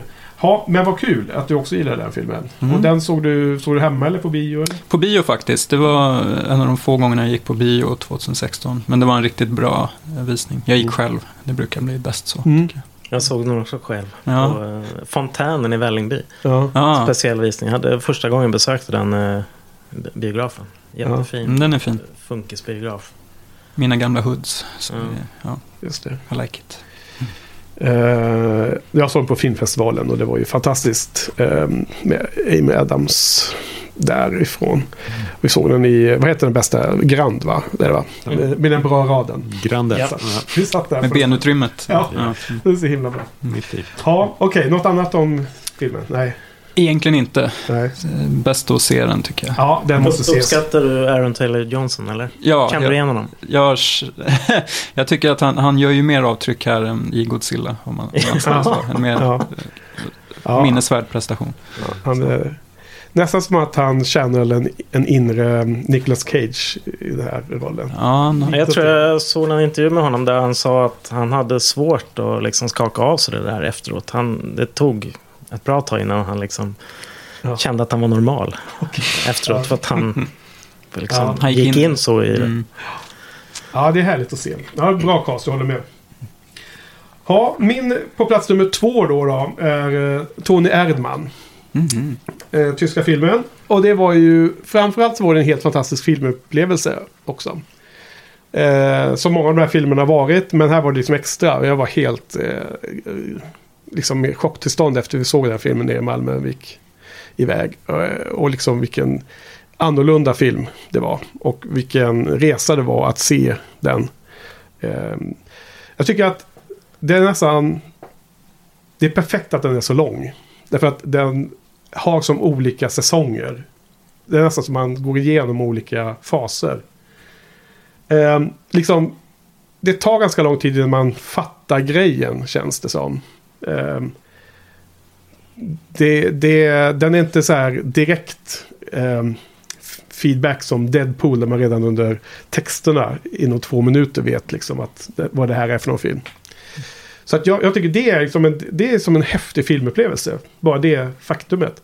Um, sen så är det ju, alltså det, det som är eh, huvudsaken med den här filmen för mig, det är ju den fantastisk eh, far och dotter relationsbeskrivningen.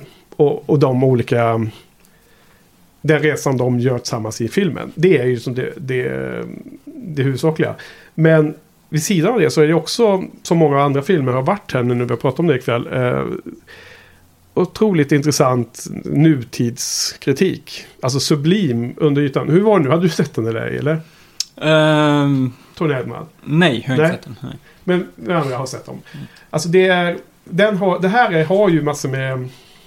Det säger massa saker om, om flera olika aktuella politiska frågor. Men de gör det absolut inte på näsan. Utan du, du får det liksom precis under ytan. Ett exempel är den här kvinn, tjejen som, eller kvinnan som, som är huvudpersonen. Är konsult. Jobbar i en väldigt mansdominerad värld som, som managementkonsult. Och det där syns ju så otroligt tydligt hur de här, hur de liksom behandlar henne som sämre. eh, Ser, ser ner på henne och på olika sätt. Eh,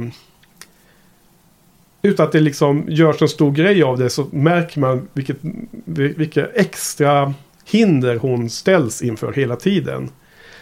Eh, men, men det bara är där liksom. Samma sak med eh, Rumänien där de håller på att säga upp folk och så vidare. Det är så sipprar igenom i små, små detaljer. Ibland liksom i utkanten av bilden. Mm. Så ser man saker som man helt plötsligt liksom, aha, det här var ju som jätteviktig information. Men det liksom slås inte upp i ansiktet på en. Så att det, det är inte det huvudsakliga i den här filmen. Men det var intressant att det fanns med där också. Vi verkligen prata om Leia. Så jag vet inte, om ni håller med eller? Ja, Mm. absolut. Mm. Så Liksom- man ska, man ska se om den här då för att eh, uppfatta alla detaljer som... eh, eller ser man det då? Ja, precis. Jag tror att den är så väldigt vast gjord att man noterar allt det där vid första titeln. Mm, jag tror också Och det. Ja. den håller ett tempo som gör att man får supa in det där. Ja. Okej. Jag tror inte att man behöver se om det för att uppfatta dem. Jag tror att de inte är tydliga direkt. Men att i efter, minst i efterbehandlingen så poppar de upp igen. Okej. Liksom hon står i ett hotell, tittar ut. På andra sidan gatan så finns det liksom en bakgård där man ser en, människa, en kvinna bor där. Och det är så otroligt fattigt jämfört med lyxhotellet på, på hennes sida av gatan. Och sen ser man hur den här jättefattiga kvinnan kastar eh, matrester i en... Eh, ja, i soporna. Och då ser man hur ännu fattigare folk kommer och tar dem. Liksom. Det, det bara flimrar förbi liksom. Och det där, Och, och, och även då att den är separerad från gatan med eh, så här reklamskyltar eller någonting. Bara så att det där syns inte från gatan. Nej, okej. eh, Utan bara uppifrån hennes eh, Mm. hotellrum. Ja, det är ja, det, snyggt. Och jag är som...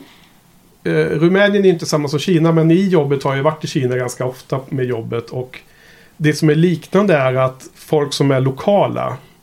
Eh, när det kommer folk från huvudkontoret i Sverige så är, har ju de en, en underlägsen position.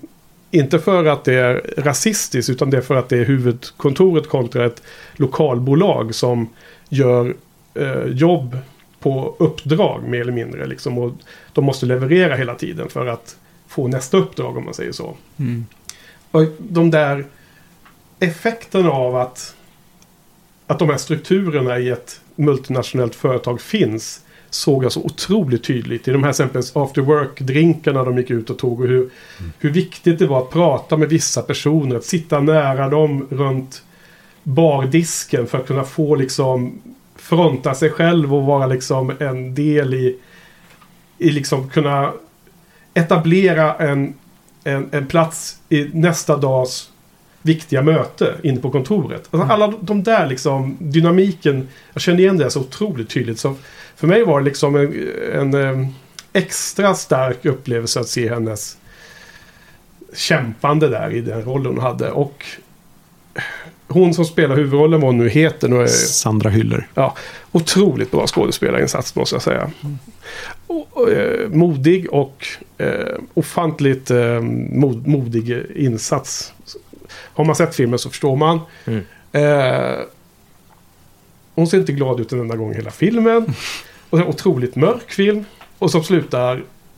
Nej, det ska vi inte säga förresten. Men, Ja, precis, Ja. jag börjar bli sugen på att se den här nu. Så, ja. Alltså det är nog svårt. Alltså, se den hemma då, då vill det till att man verkligen stänger av telefonen. Se till att man inte ska springa upp och göra kaffe eller svara liksom på fruns, eh, fa- familjens liksom önskemål att hjälpa till med ditt och datten. Man ska se en film. Den här filmen är det nog viktigt att man ser hela. Från, från början till slut. så då avsätter man två timmar och 45 minuter. 45 minuter Inlåst. inlåst. Kastar bort nyckeln sen så kommer man ut igen. Jag, jag tror människa. den är, inte, den är inte lika stark om man delar upp den med Nej, olika nej. sittningar. Nej. För på något sätt måste man vara... I biosalongen så är man, kan man inte gå ut lika lätt. Nej. Men det som ändå var grejen var ju att den inte kändes lång. Så. Nej. Alltså, ja, det, det blev liksom aldrig jobbigt eller något sånt att man tyckte att nu...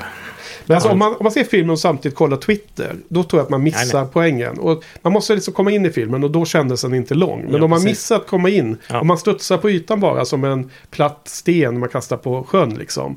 Då kommer man aldrig gilla den här filmen. Men Mm. går man in och committar sig till den, då tror jag att den... Då öppnar den upp sig liksom. Och då öppnar den upp ditt sinne till den också. Tror jag. Mm. Ja, det var Tor Nerman. Men jag, jag, jag tror två. i och för sig det kan vara lite svårt att se den hemma. För en ganska stor del av upplevelsen är lite publikens reaktioner på saker. Mhm. Just den där väldigt pinsamma humorn, folk sitter och skruvar sig, Ja. småskrattar någon gång eh, lite obekvämt. Och sen när man kommer till scener som är lite förlösande så eh, är det ju stående ovationer. Eh, bara exploderar publiken. Och det hjälper nog att man har eh, ett fullsatt Det blir Skandia till extra det. layer där ja, Mm. på upplevelsen. Det kanske är så, men jag tror inte att man går igenom de känslorna ändå om man sitter sig själv. Värt att ta reda på. Mm. Mm. Jag vill. Nu har vi kommit till sista rundan. Ska vi köra igång? Någon som behöver ta en kort paus? Nej. Nej. Mesdames et messieurs, Atenție toată lumea, o să avem un program mon secrétaire and I, we will song, sing a song for you.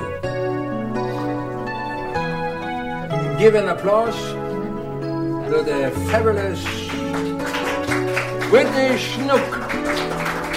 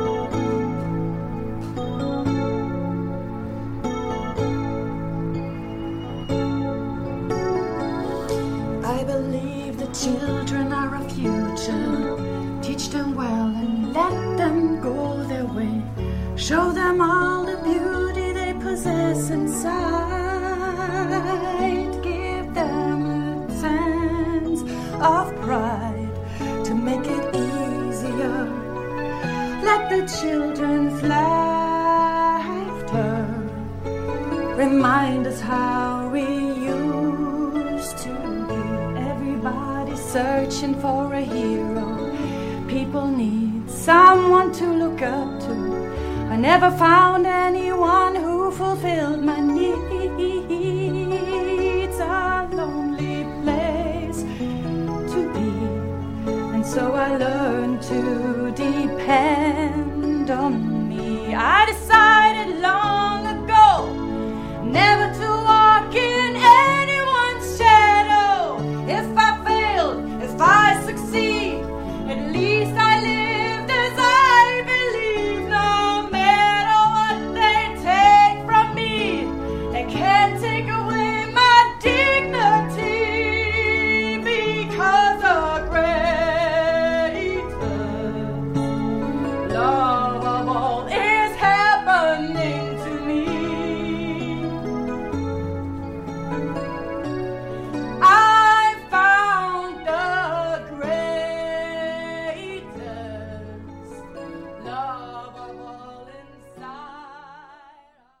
guldplats då Johan? Guldplats. Du får eh, öppna upp. Ja, eh, vi har anlänt till plats ett. Okej. Carl gör tummen ner. ja, Carl, ja. det är givetvis Arrival. Eh, Denis Villeneuves eh, senaste sci-fi-rulle. Eh, Arrival. Arrival, sa jag inte det? Jo. Jag bara repeterade. Absolut. Eh, han har väl inte gjort någon science fiction. Eh, det här är nog en ny genre för honom. Eh, nej, Villeneuve är ju verkligen en favoritregissör för mig. Jag har inte sett riktigt alla hans tidiga filmer, jag har missat några. Men så att det här är ju... Jag hade ju höga förväntningar på den här. Jag vet, jag såg en trailer för den här i somras. Och bara, Denis Villeneuve, sci-fi, vad är det här för någonting? Amy Adams. Eh, Det här känns ju fruktansvärt bra. Och sen eh, höll jag mig borta helt från allt. Med, alltså jag visste liksom ingenting. Eh, och eh, det är den klart bästa bioupplevelsen jag har haft. Dessutom har jag sett den två gånger på bio faktiskt. Eh, jag bjöd faktiskt min pappa, han fick en julklapp. Eh, att gå på bio med mig. och då hade jag tre förslag. Då hade jag, för jag tänkte det skulle ske under, eh, under, under senare under vintern och våren. Så då hade jag Gold, den här Matthew McConaughey-filmen. Life, som går nu på bio tror jag. Eh, Daniel Espinosas sci-fi. Och sen eh, Kong, Skyl Island. Jaha. Men då sa han, nej men jag har hört om den här Arrival, jag såg att du skrev om den på bloggen också. Ja. Så att, eh, jag vill se den. Så Okej. då gick vi och såg den Perfekt. istället. Så det var perfekt. Vad tyckte han nu? Han tyckte de var jättebra. Han eh, älskade själva temat Ja. eh, och vad som händer. Och vi hade en del diskussioner efteråt vad som egentligen hände och med Amy Adams hjärna och så vidare. Eh, nej, jag, jag älskar i princip allt med den här filmen. Amy Adams är ju, bär ju den här filmen på sina axlar kan man säga. Och skandal att hon inte blev eh, Ja, Oscarsnominerad. var det inte det? Jo, det var... Skan- Skandal att hon inte vann. Ja, ja, vem var det som vann det? Det var... eh, Eh, Kvinnlig huvudroll. Vad fasen? Jo men det var väl Emma Stone? Ja, det är klart det var. Ja. Ja, nej, skandal som sagt. Ja. ja men här var ju Amy Adams var ju bättre här än Emma Stone i La La Land. Det håller jag med om. nej, så när jag såg filmen igen så bara jag bara såg hennes uh, kittelfingrar när hon eh, ska kittla sin dotter i början. Så ja, det är underbart. Då blir det dammigt i rummet. Ja, då blev det dammigt. Ja. Det blev nästan det faktiskt. Eh, bara, för då visste jag liksom vad som skulle hända. Och, nej, det var faktiskt lite speciellt att se om den. För att det, det, på något sätt så går det ihop med filmens tema. Att man så att säga vet vad som ska hända. Och man le, tid får en, en annan cirkulär betydelse. Mm. Eh, nu är det här med spoilers igen. Eh, Mm. eh, ah, jag vet inte, de flesta känner väl till handlingen. Men det är ju Vi behöver inte dra inte den. Vi vill bara säga att det är science Ja. fiction. Ja, precis. Men det, det som jag gillade är ju att eh, ah, det anländer ju utomjordingar eh, till jorden. Och eh, just att det inte blir den här Independence Day-filmen. Ja. Utan att eh, som vanligt så är det människorna själva som ska försöka komma överens och förstå vad de här vill. Och eh, ja, just den aspekten gillar jag. Eh, och givetvis att det handlar... Språk är ju intressant också. Ja. Skriftspråk och... Det, det bygger på liksom en riktig teori om eh, språkets betydelse för hur man tänker. Precis. Det är Eh, spännande. Vad heter den teorin, Henke? Det jag kommer inte ihåg det nu. De säger ju det Ja, de säger det i filmen. De nämner det. Eh, Man kan eh, googla på det. ja. Om du lär dig ett, ett eh, språk som du inte kunnat tidigare så påverkar det liksom hur du tänker och uppfattar kanske Mm. rum och tid eventuellt. Så, eh, nej, vä- väldigt fascinerande film. Eh, Och eh, alltså fotot är ju helt underbart. Ja. Eh, vad är det han heter? nu? Bradford Young tror jag han heter. Som var ansvarig för fotot där. Mm. Likaså musiken. Eh, Johan Johansson, eh, islänning. Mm. Helt, helt otrolig musik. Med, gav precis rätt stämning för mig. Mm. Eh, jag fick gåshud under flera scener. finns Ja. en... Flyger in med en helikopter till den här, eh, här, ett av de här skeppen som de ska undersöka. Eh, och kameran cirklar liksom runt den här helikoptern och själva basen. Ja, han, är ju, han är ju väldigt bra på, alltså, vill, vad heter han nu? Denis Villeneuve. Verkligen, eh, följ upp den, vad hette den förra nu igen? Sicario. Sicario. Ja, också otroligt bra. Väldigt intensiv och bra. Mm. Filmmiss, filmiskt tycker jag. Det är filmfilmer som Mm. vi brukar säga. Ja, precis. Och så kommer han med nya Blade Runner nu i, Ja, just i höst. Det är han som gör den. Mm. Mm. Spännande. Ja, okej. Vi går vidare till Karls etta. Ja, den är Arrival. väl lite given utifrån vad vi har snackat om tidigare. Tony Erdman. Härligt. Ja. Oj, oj, oj, oj. Mm. Ja, Här har man missat något. ja absolut. Ehm, jag vet inte om det finns något som vi inte har sagt egentligen. Det är just eh, eh, det, hela strukturen med hur bisarrt rolig den är. Och eh, att den lyckas med något supercrescendo med här, tre i följd förlösande scener med helt olika känsloladdning det är mot slutet någonstans efter att ha tryckt sig igenom eh, någon så här bisarr eh, tysk eh, slapstick och eh,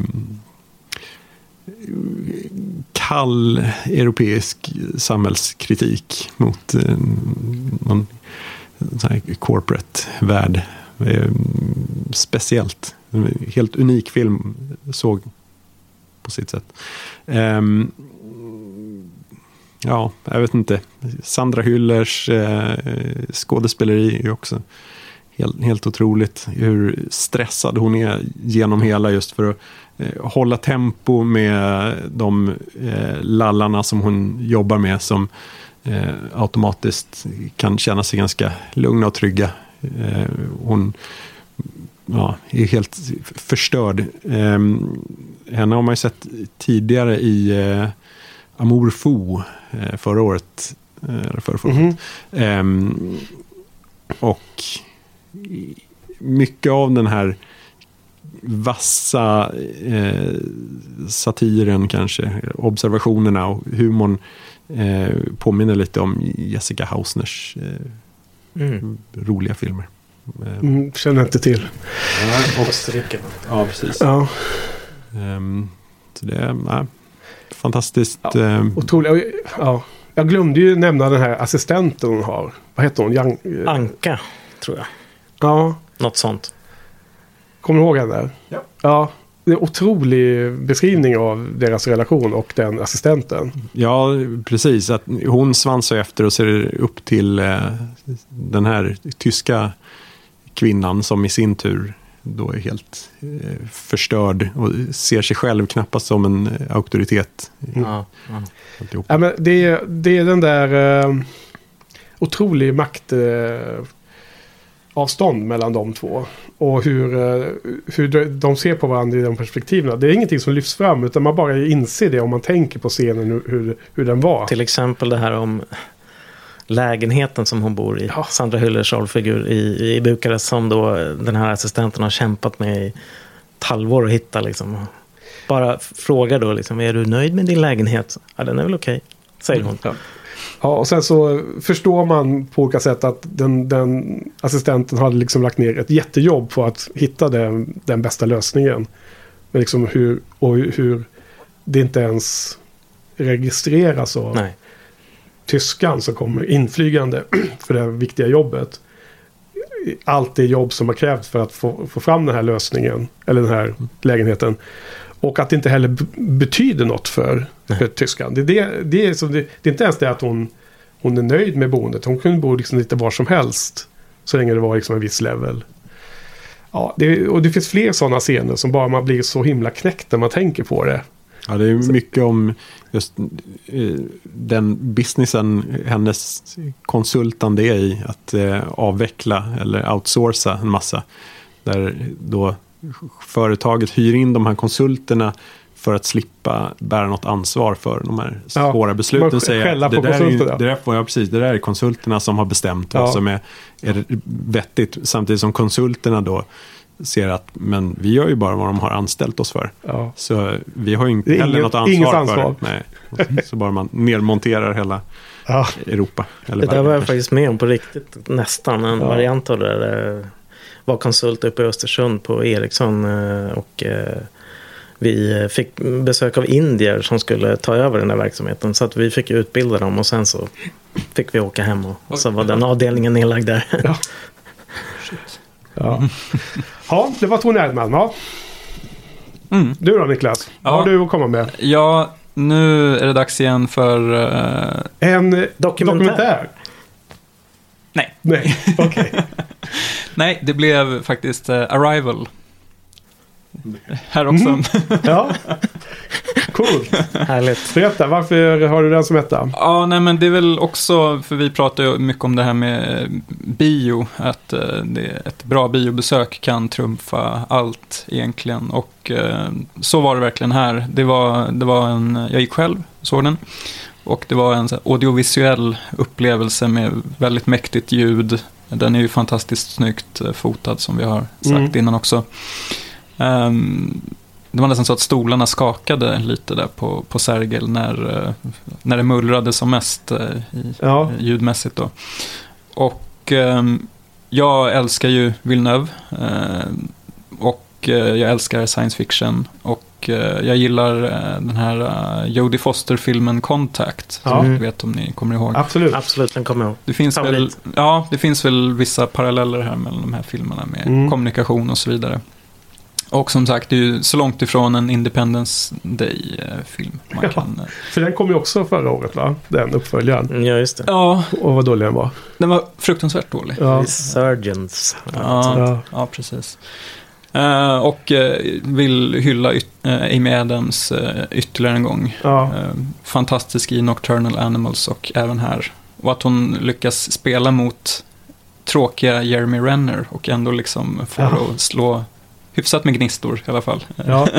Du, du, du utnämnde Nocturnal Element som bästa eh, ensemble. Mm, Men här var det ju liksom det egentligen bara en skådespelare. Ja, hon bar något. ju, bar ju filmen. De andra betydde liksom inte så mycket om, Nej, om de var karismatiska eller inte. För nej, det var mest hon skulle bara bolla Mm, eh, idéer mellan dem. Mm. Eller med dem. Ja, ja, men jag tycker den... eh, Det är också en sån här film som jag... Det låter ju på Jojje som att den tåls att ses flera gånger. För det är ju lite konceptet. eh, Nej, men det, var, det är som. Henke var inne på också, det där med att man blir fokuserad på handlingen första gången. Och sen nästa gång så kan du liksom släppa det, bara låta det Mm. skölja över. Och då, just den här filmen så uppfattar man ju Mm. små detaljer, liksom ledtrådar och Mm. liksom just det. Var, Ja, Mm. Är det någon som har läst boken som den? nej, men jag har köpt den. Mm. Jag har beställt den och köpt den efter jag såg filmen. Så att eh, den ligger på... vad är det den heter nu? Det är något helt annat. Det är ju The Re- korta stories. Den är en kort historia va? eh, Okej. Eh, jag kommer inte ihåg författaren nu och så, men vi får leta fram Jo, den sen. eh, Om ni vill titta på den. Chiang någonting. Just det. Mm. Eh, men det blir, Ted den Chiang. blir för eh, kommande semester eller något sånt där. Mm. Ja, då vill jag ha en recension. Ja, något mer du vill lyfta på den? Mm, nej, Nej. det är bra. Okej, då har vi min första plats kvar då. då. En, eh, Tony Erdman låg ju länge på första platsen. Men så blev jag ju lite orolig. Hur, hur har jag gjort det egentligen? Så jag var tvungen att se om den här filmen. För det är ju Arrival då. eh, så jag såg om den här tidigare i veckan och eh, det, det tog inte så lång tid innan jag förstod. eh, Efter 4 minuter och 25 sekunder så Ja. pausade jag och kollade hur lång tid som hade gått. Och då, för då hade jag bestämt mig för att det här var nummer ett. Eh, och jag satt och funderade lite på, för de är ju så himla olika, men alltså... Tony Erdman är ju som en film som eh, får mig att älska fil, filmer av olika former ännu mer som filmälskare. Men Arrival är faktiskt en film som får mig att, alltså påminner mig om varför jag älskar film från första början. Om ni förstår vad jag menar. Det är som tar mig tillbaks till ungdomen när, man, när jag läste jättemycket science fiction och när jag levde i sån fantasyvärld som bra science fiction kan försätta en i. Och ja, men Tony Erdman är väldigt mycket här nu i, i, i verkligheten medan Arrival är liksom out there liksom i framtiden. Och jag bara kände det. Det, det är science fiction men det är ju ännu mer en, en berättelse om eh, Amy Adams och hennes eh, dotter som jag upplevde när jag såg om filmen. Och då blir den liksom, som du också var inne på Johan, när man ser om filmen så, så, så blir det otroligt meta på att, man, Ja, att ja. allting går i en cirkel. Tänkte ju. verkligen på det. För att de första 4 och 25 Så den dialogen som är berättar hela filmens handling. När man har sett när man ser om filmen så förstår man det. Då är man liksom i slutet av filmen fast det är i början. Och hur det synkar med filmens tema är ju fantastiskt egentligen. Så här är nästan en film, en film som man måste se om för att liksom verkligen fascineras. Ehm, Niklas, har du, Ja. har du sett om den? Nej, jag har inte gjort Nej, det. nej. Men eh, det låter ju som att den är väldigt genomtänkt eh, på det sättet. Ja, alltså jag, jag hade också en otroligt härlig filmvisning. Jag såg nämligen den här dagen efter jag såg No- Nocturnal Animals på filmfestivalen. Så det var två kvällar i rad med Amy Adams helt fantastiska prestationer. Och jag och kompis Danne, det var en födelsedagspresent från mig till honom att, att mm, gå på bio. Nej, förlåt. Han, han till mig menar jag sa fel. Jag hade fyllt år där på hösten. Så att det var liksom hans eh, present. Men det var jag som föreslog då att vi, vi tar den här Arrival på filmfestivalen. Så han hängde på där då och köpte en sån här prova på-biljett. Och jag var ju medlem.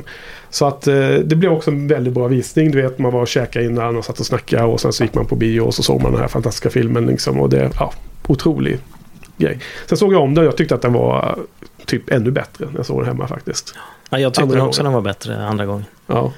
Så den var tvungen att vara nummer ett då, kände jag. Trots att Tony Erdman kanske är den mer unika filmen. Det skulle jag nog vilja hävda. Eh, Men eh, nu fick jag gå på den känslomässiga resonansen den här gången. Mm. Härligt. Wow! härligt. Då har Tre, vi... tre samma ettor alltså. Ja, Ja. det blev eh, likformigt. Men det... Något bra hade väl den filmen ändå då. Ja. Får man säga. Och sen Tony Erdman var också med på topp ja, det var trea för mig va? Ja, topp tre. Och sen var den osedd så det gick inte att komma in på din lista. Mm. Ja, har ni några snabbt nu då? Nu har vi hållit på jättelänge. Men eh, låt oss eh, rassla igenom. Har du några bubblare att nämna Johan? Som Ja. du eh, känner att du måste ha med. Ja, jag kan väl börja med... Har några stycken... eh, Lite snabbt nu. Ja, absolut. Dokumentär, Cam, Camera Person, eh, såg jag. Eh, fascinerande dokumentär, inte... Det är annorlunda kan man säga. Inte med talking heads, utan eh, mm, ganska löst berättad. Patterson Mm. gillar jag väldigt mycket, eh, men inte tillräckligt mycket för att komma på listan. Eh, Christine, eh, filmen om den här reportern som sköt sig själv på tv. Eh, och det är egentligen bara för Rebe- Rebecca Halls insats. Där. Det är en ganska mm, jobbig film annars. Eh, Hidden Figures, härlig. Rymd, eh, medborgarrättskamp, kvinnokamp. Eh, Feel good. Feel good, härlig. Mm. Ja, underbar. Eh, The Neon Demon. Eh, Karls. Eh, med på topp 10. Fyra. Ja. Eh, Under the Shadow är en iransk eh, skräckis. Eh, som jag kan rekommendera. Jag tror den skulle kunna räknas som en 2015-film. Men eh, ja, den är med som bubblar här. Ja. Eh, sen har jag The Witch. Eh, också 2015 kanske då enligt IMDB. Och sen eh, den som var närmast att ta sig in på listan var ju då eh, min 11 då. Eh, Tang Cloverfield Lane. Okej, Som jag uppskattade väldigt mycket. Eh, John Goodman var suverän. Bunkerspel och sen eh, en överraskande avslutning. En lös fortsättning på Cloverfield. Ja. Ja. Ja, det är mina bubblor. ja. Bra. Du då Carl? Ja, ehm, vissa har väl nämnts redan. Eh, Love and Friendship, Whit Mm. Stillmans eh, Jane Austen-filmatisering. Eh, jättemysig. Eh, Whit Stillman, alltid bra. Mm. Hoppas att han ökar tempot, gör lite fler filmer. Eh, Tom Bennett, eh, hysteriskt rolig. Och eh, Kate Beckinsale passar bra med. Whit Stillman eh, som regissör. Ja. Ehm, sen eh, The Love Witch som jag nämnde när jag gästade här Mm. eh, förut. Eh, Ifrån vilket land är det? USA. Ja, ja. Eh, Anna Biller har formulerat sitt manshat på ett väldigt eh, roligt och sätt som en någon sorts eh, korrupt eh, technicolor sitcom från 60-talet kanske. Mm. Ehm, den Just det, den eh, sa vi ju redan då att vi skulle se va? Ja. jag och Johan. Okej. Har inte hänt. Var det alla? Ehm, ja, 20th Century Women. Okej. eh, supermysig. Annette Ja. Bening borde ha vunnit Oscar. Ja, Ehm, den gillar jag också. Borde ha blivit nominerad, nominerad i alla fall. det också. Ja. Ja, det är första steget. Sen eh, rent eh, eh, visningsmässigt, ytterligare en film som jag såg på Monsters of Film, eh, Malut, eller Mysteriet i Slack Bay. Ja, ja. Eh, helt, Fan-. Fantasy. ja, eller något eh, fransk, eh, väldigt överspelad eh, komedi, farsartad med vissa skräckinslag kanske. Eller något. Okej. Ehm, eh, Fick lite Jean-Pierre Jeunet, Terry Gilliam-känsla på den? eller? Ja, kanske det. Men med bara större komiskt överspel Ja. på någon vänster. Mm. Ehm, väldigt, väldigt speciell. Och eh, som jag i alla fall kände väldigt länge att jag var osäker på eh, om det verkligen var bra. Men om man bara hänger sig åt det så eh, funkar det. Eh, såg den med, med Emma Grey munter satt precis framför och vek sig dubbel av skratt genom hela filmen. Så Okej. eh, hade man god auktoritet att, att Ja. följa med. Ja, Sitter man och ser en film med massor av folk som, som älskar filmen, då dras man ju med. Det, Så Ja. är det ju. Det är helt klart. Ja, något mer där? Eh, nej. Nej? Okej. Du då Niklas? Mm, jag har ju nämnt några stycken, så jag nöjer mig faktiskt med att nämna eh, Don't Breathe. Har ni sett den? Eh, nej, Den heter väl så? Jag har sett att titeln Mm. finns. Vad är det för något? Alltså den där eh, man följer tre inbrottstjuvar som eh, ska då göra inbrott i ett hus där det bor en gammal blind man som tydligen ruvar på en smärre förmögenhet. Okej. Så det är lite så här panic room-känsla Mm. fast i, från ett annat perspektiv då. Men han har fighting skills också antar jag. Ja, han, han är ju någon gammal soldat som Okej. inte ger sig så lätt. Nej. Och det ruvar väl, det huset ruvar på lite mörka hemligheter också, kan man säga. Men är det en skräckis eller är det en Det är skräck, eh, kanske snarare en thriller, men eh, det, det finns ju ganska råa inslag Okej. i den. Och Ja. den, eh, den var väldigt spännande och väldigt så här, snyggt gjord. Lagom lång, jag tror inte ens att den är så här, med 1.30 utan väldigt så här, kort, Mm. eh, perfekt eh, lördagkväll action Ja. eh, thriller. Så. Mm. Ja. Ja. ja, det var det. Ehm, Okej, då ska jag ra- rabbla mina lite snabbt. Uh, Captain Fantastic som Johan hade med. Eh, Midnight Special som Johan hade med. Eh, den tredje bubblan är Morgan. Ehm, Mm. En eh, science fiction nära framtid som i alla fall för mig påminner lite om Ex-Machina. Eh, jag gillar Morgan väldigt mycket. Det, det är bra skådespelare, ganska många kända skådisar. Mm, och intressant story, jag tycker håller hela vägen. Så det var, den var nära att ta sig in. Eh, Förut med, vad heter hon, Anja Taylor-Joy va? Ja, The hon Witch. spelar Morgan. Mm. Det från The Witch och eh, Split. Mm. Precis, bra dag. Och sen är det lite andra. Ja, det är massor med kändisar. Eh, vad heter hon? Eh, systern där som spelar huvudpersonen. Kate Mara va? Kate Mara. Det är den andra huvudpersonen. Eh, är det någon som har sett Morgan eller? Inte hört talas om. Ja, Jag såg den Vad- vad eh, dagen du? innan jag åkte till Alpen här Ja. för ett tag sedan.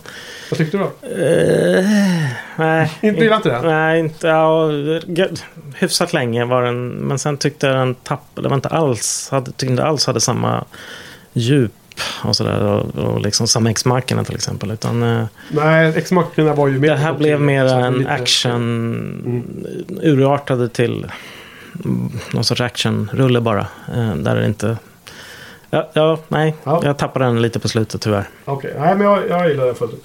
Sen har vi då Rogue One faktiskt. Eh, den, ju, den har ju flås den filmen. Eh, den har ju skavanker. Men det som är bra i den är så himla bra. Och det är väl en av de filmerna som jag är mest sugen på att se om faktiskt. Av de som jag har här högt upp.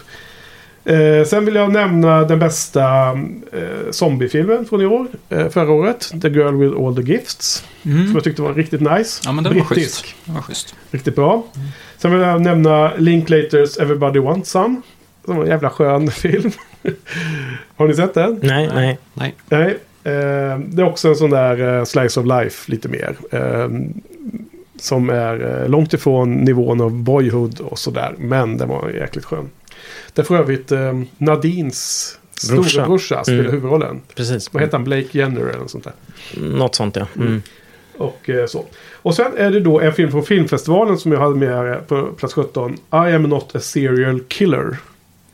Eh, känner du till den Carl? Nej, American Independent skräckis-thriller. mm, jag fick prioritera bort den. Ja, Ja. men jag har hört att du nämnde den. Du var... Ja. Eh, ofantligt eh, annorlunda liten eh, indie-film som är i en eh, skum Twilight Zone mellan eh, indie, drama, komedi eh, och skräckis. Ska jag säga. Sen har jag eh, The Accountant, tycker jag var jättebra. Mhm. Är det någon som har sett Det är den det? första jag hör som säger det, tror jag. Det är första som säger att den är bra. Jag har hört många som har eh, klankat ner på Alltså, den där. Ja. ja, men folk gillar väl inte Ben Affleck generellt sett. Inte det är ett sånt där stående skämt i branschen. Han spelar ju någon um, badass Revisor. revisor. Precis. ja, jag, jag gillar det. Som stoppar bovar på fritiden. Det här är ganska lättviktigt, men det är liksom i samma som Jack Reacher och sådana där liksom, Mhm. filmer. Det är, som det är action och det är lite eh, fredags eh. Mhm. Det är lite kaotisk ordning här kanske. Eh, sen gillar jag Baden-Baden. Baden-Baden. ja, just det. Jaha. Filmfestivalfilm. En eh, fransk eller belgisk eller vad det nu var. Holländsk. Det är nog belgisk va? Belgisk de är, film, är väl i där Bryssel? Ja, de är lite olika ställen. Eh, Men det var en väldigt härlig film som var som en miniversion av Tony Erdmann. Det fanns vissa liknande typer av känslor eh, som jag fick när jag tittade på filmen.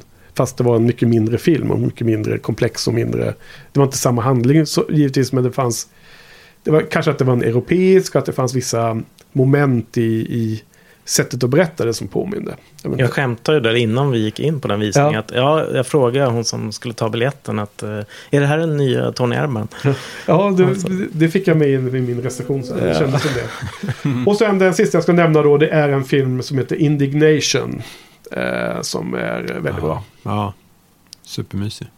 Mysig. Nej, bra.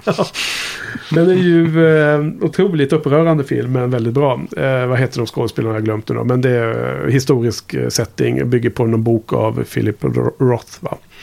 Och handlar om en eh, ung eh, kille, eller man, eller vad man ska säga, eh, som åker på, till universitet. Och så det, blir det en eh, konflikt med universitetsrektorn, eh, rektorn, eller vad man ska säga. Vad de nu heter där borta. Chancellor eller något sånt där. Dean kanske? Dean och eh, han har någon flickvän som också är... Eh, det blir massor med konflikter i alla fall. Men det är en väldigt bra drama, tycker jag. Han är ateist och det är en religiös skola. Ja, det En, är en vik- viktig del i en historien. del. Mhm. Eh, Okej, men då har vi kört lite bubblare. Eh, nu tar vi en kort paus.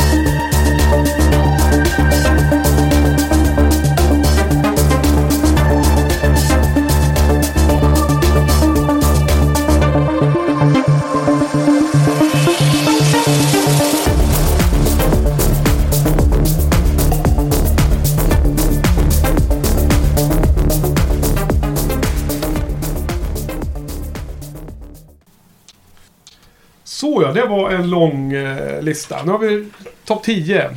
Eh, kul. Bra jobbat grabbar.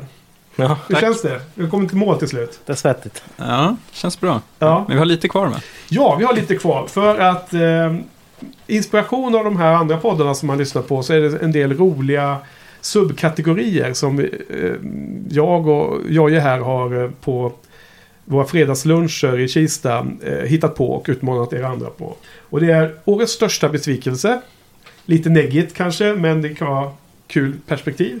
Och sen har vi två kategorier, Most Overrated och, och Most Underrated. Där man eh, lite subjektivt uppskattar hur man själv tycker jämfört med hur omvärlden tycker. Och sen då även om vi skulle lyfta årets bästa svenska film. Kan också vara, vara, vara med. Så vi börjar med största besvikelse. Har du någon Johan? Ja, Vad är det eh, där? Jag kom, det var lite svårt att hitta, men eh, jag kom fram till att det var eh, den senaste Independence Day-filmen. Ja. Eh, Jag tycker ändå gamla Independence Day, Roland Emmerich från, vad är det, 96 eller något sånt. ja. Alltså den är ju underhållande, charmig. Jag älskar Bill Pullmans presidenttal. ja. Det är härligt. Den här, Independence Day Res- Resurgence, är det så, Ja. var det så den hette? Svintråkig. ja. Svintråkig. Jättetråkiga skådisar. Ja, nej, jag, jag Det tror jag somnade, nickade Ja. till. Det var, nej. Ja, jag, jag, jag håller med, den var dålig. Men jag tyckte den var helt okej. Men alltså, Nej. den var, den var så, det var en så dålig actionfilm, men det var liksom okej inom Nej, situationstecken. Citationstecken. Inte okej. nej. Nej. inte okej. Nej. Bottenbetyg. Okej, ja, nej men det är fine. Ja. Det är bra. Den, den, den kvalificerar sig. Ja. du då Karl? Stor besvikelse? Ja, det är väl egentligen kanske ingen superbesvikelse för det är fortfarande en bra film. Men eh, The Handmaiden, Park Chan-wook, Just det. eh, hade jag rätt höga förväntningar på. Och av någon anledning så envisas jag med att ha höga förväntningar på hans filmer. Ja. Trots att de sällan eh, levererar exakt det jag vill ha. Ehm, den är ju rasande snygg, välgjord, allt eh, tekniskt perfekt. Men den är lite själlös. Jag, jag kan hålla med dig. Jag såg att jag har missat den faktiskt. Den var en av mina bubblare. Okej. okej. Eh, Jag hade Den- trott att den skulle vara med på din topp 10 faktiskt, Karl. Ja, precis. Ehm, det borde den ha varit, men den känns väldigt europeisk. Mm. Det känns verkligen att den är baserad på en, en engelsk bok. Ja. Ehm, på samma sätt som eh, kinesiska Dangerous Liaisons inte heller funkade för fem öre. Det, det känns att den, den är felplacerad eh, kulturellt på Ja, vänster. precis. Jag hade önskat att den skulle vara i nutid och i västvärlden. Då hade jag nog trott att den filmen kunde bli bättre för mig också. Håller, eller var det det du menade eller? Nej, det var inte det. Ja, det var fel film för Park Chan-wook kanske. ja, precis. Ja. Ehm, Men var det han som gjorde Stoker? ja, Mm. den Det kän, den gillar jag, men jag kände lite också samma där. Att, snygg men ganska tom. Eh, Den gillar inte jag alls. Jag Okej. tyckte bara den var tom. ja, okej. Ful och tom. ja. Nej, den- okej, den var snygg men det räckte inte. Nej. Mm. Ja. Han, han brukar ju vara väldigt bra på att balansera väldigt mm, motstridiga toner. Väldigt Mm. komplext och får det väldigt bekvämt. Här känns det ganska entonigt. Det är bortkastat. Okej, Mm. tråkigt. Men den är fortfarande väldigt, Nej, jag, väldigt bra. Alltså, det, jag tyckte den var bra den filmen. Eh, den är bubblare längre ner på min. Den borde varit bättre. Du då? Besvikelse? Ja, Niklas? jag vet inte. Jag, eh, jag hade ganska höga förhoppningar på Demolition. Som är gjord av samma regissör som gjorde Wild med eh, Reese Witherspoon. Mm, Den, okej. Demolition, det här är alltså den med Jake Gyllenhaal och Naomi Watts. Den verkar ha flugit under radarn här. Ja, jag har inte riktigt koll på Jag har den. hört om den. Mm. Ehm, nej, men jag, jag gillar ju båda de skådisarna, men jag tyckte inte att det här var alls något nå, nå kul. Eh, Det, det är i korthet bara att han är med om en väldigt så här, tragisk händelse och sen så ska han bearbeta det här på att genom Aha. att uppföra sig lite excentriskt och lustigt på, på sin arbetsplats. Men jag vet inte, den, den kändes som en sämre och tråkigare American Beauty. Jag försökte Okej. vara lite så här, lite lustig, men den kändes Han ska väldigt... spåra liksom. Han spårar ur och Mm. bör, börjar jobba på ett bygge istället och sådär. Okej. Eh, jag vet inte. Den att riva. Nej. Ja, men demolition. Demolition, Han, blir, han ja. börjar riva hus istället. Han får något utlopp i, Ja. via det. Finns det en irriterande barnskådis med också, liksom, som pricken över it. Eh, väldigt så här, självbelåten film kändes det som också. Okej. Eh, Synd, för Wild var ganska bra. jag tyckte om Wild, Ja. så eh, det var tråkigt. Reese Witherspoon är alltid bra i sig. Ja, jag har ju fuskat här nu då. Så jag har faktiskt två titlar. Jag kunde inte skilja på två, störst, två av de största förväntningarna på året som var så jäkla dåliga. Dels är det Jason Bourne. Alltså när eh, Bourne-filmen är tillbaks med ursprungsregissören och Matt Damon efter den konstiga fjärde filmen. Och den var ju eh, risig. För om man jämför med originaltrilogin tycker jag. Mm. Och här kan man ju ändå säga att den var liksom ganska... Den var väl underhållande för stunden. Men jämfört med förväntningarna. Men den allra största egentligen som... Det är väl den här nya Harry Potter-filmen då. då. Vad heter den nu då? Fantastic Beasts and Where to Find Them. För att jag är ju en så himla stor Harry Potter-fan. Och jag tycker de åtta filmerna är fantastiskt bra. Böckerna är ännu bättre men filmerna är väldigt bra. som helhet, som en serie. Och det här var ju otroligt dålig story, dialog, eh, dålig, dåliga val av den regissören som ändå gjort de två, tre sista i serien om åtta. Det är samma regissör. Ja, vad säger ni om det? Har ni sett den eller? Nej. Jag tror vi såg den tillsammans faktiskt, till och med. Gjorde vi? Ja, Okej. Mall of Scandinavia. Ja, ja, det kan Mm. vara sant ja. Ja. Du var magsjuk? Eh, det kan ha varit på den. Eh, En dålig visning. ja. Nej, men den, den var inget bra. Okej. Eh, nej, nej, den var inte bra. Ja. Okej då, men most overrated. Det vill säga filmer som du gillar, inte så mycket men alla andra verkar gilla. Som alla andra fattar men inte du Ja. liksom. Ja. Ja, där har jag La La Land då. då. Okej. Eh, den, den är ju universellt älskad känns det som. Ja, det hy- som- hyllad på Oscars och allt. Ja, allting. Eh, nej, det, jag vet inte vad det var. Jag, det är väl, jag är ingen musikalman, Nej. helt enkelt. Det är väl så. Eh, jag hade hört att inledningsscenen skulle vara helt otrolig på en motorväg i Los. Angeles. Och de skulle dansa och hoppa på bilar. Och det var helt otroligt. Jag, Ja. jag satt mest och ja, Det, är hade väl, tråkigt. det är väl filmnördarna som pratar om att det är en long take där och så. ja. Att det är liksom rent tekniskt svårt att göra den där, film, den här scenen. Ja. Nej, och som sagt, jag kände liksom egentligen ingenting för karaktärerna. Men Det kanske har att göra med det där att när det börjar hetta till så plötsligt ska de sjunga istället. Ja. Jag, jag, jag vet inte. Eh, det enda jag gillade var ju den här City of Stars. Eh, låten var väldigt bra. Eh, annars så, nej. Det var, Mm. det, det var inte, det föll inte mig. Det var inte din På läppen. Nej. kommentar. Nej. Karl, vad du då?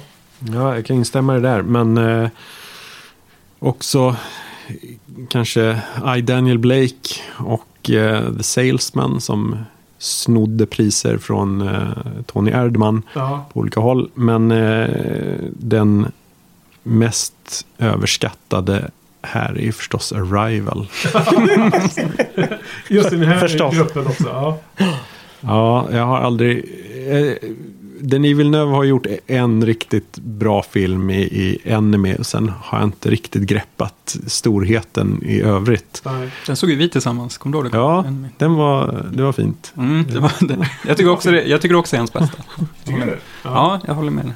Mm. Eh, eh, tycker Amy Adams gör väl en okej roll, inget speciellt. Eh, Johan Johanssons hissmusik berör mig inte det minsta. Eh, Nu och sen, kommer Karls vassa tunga fram. Ja.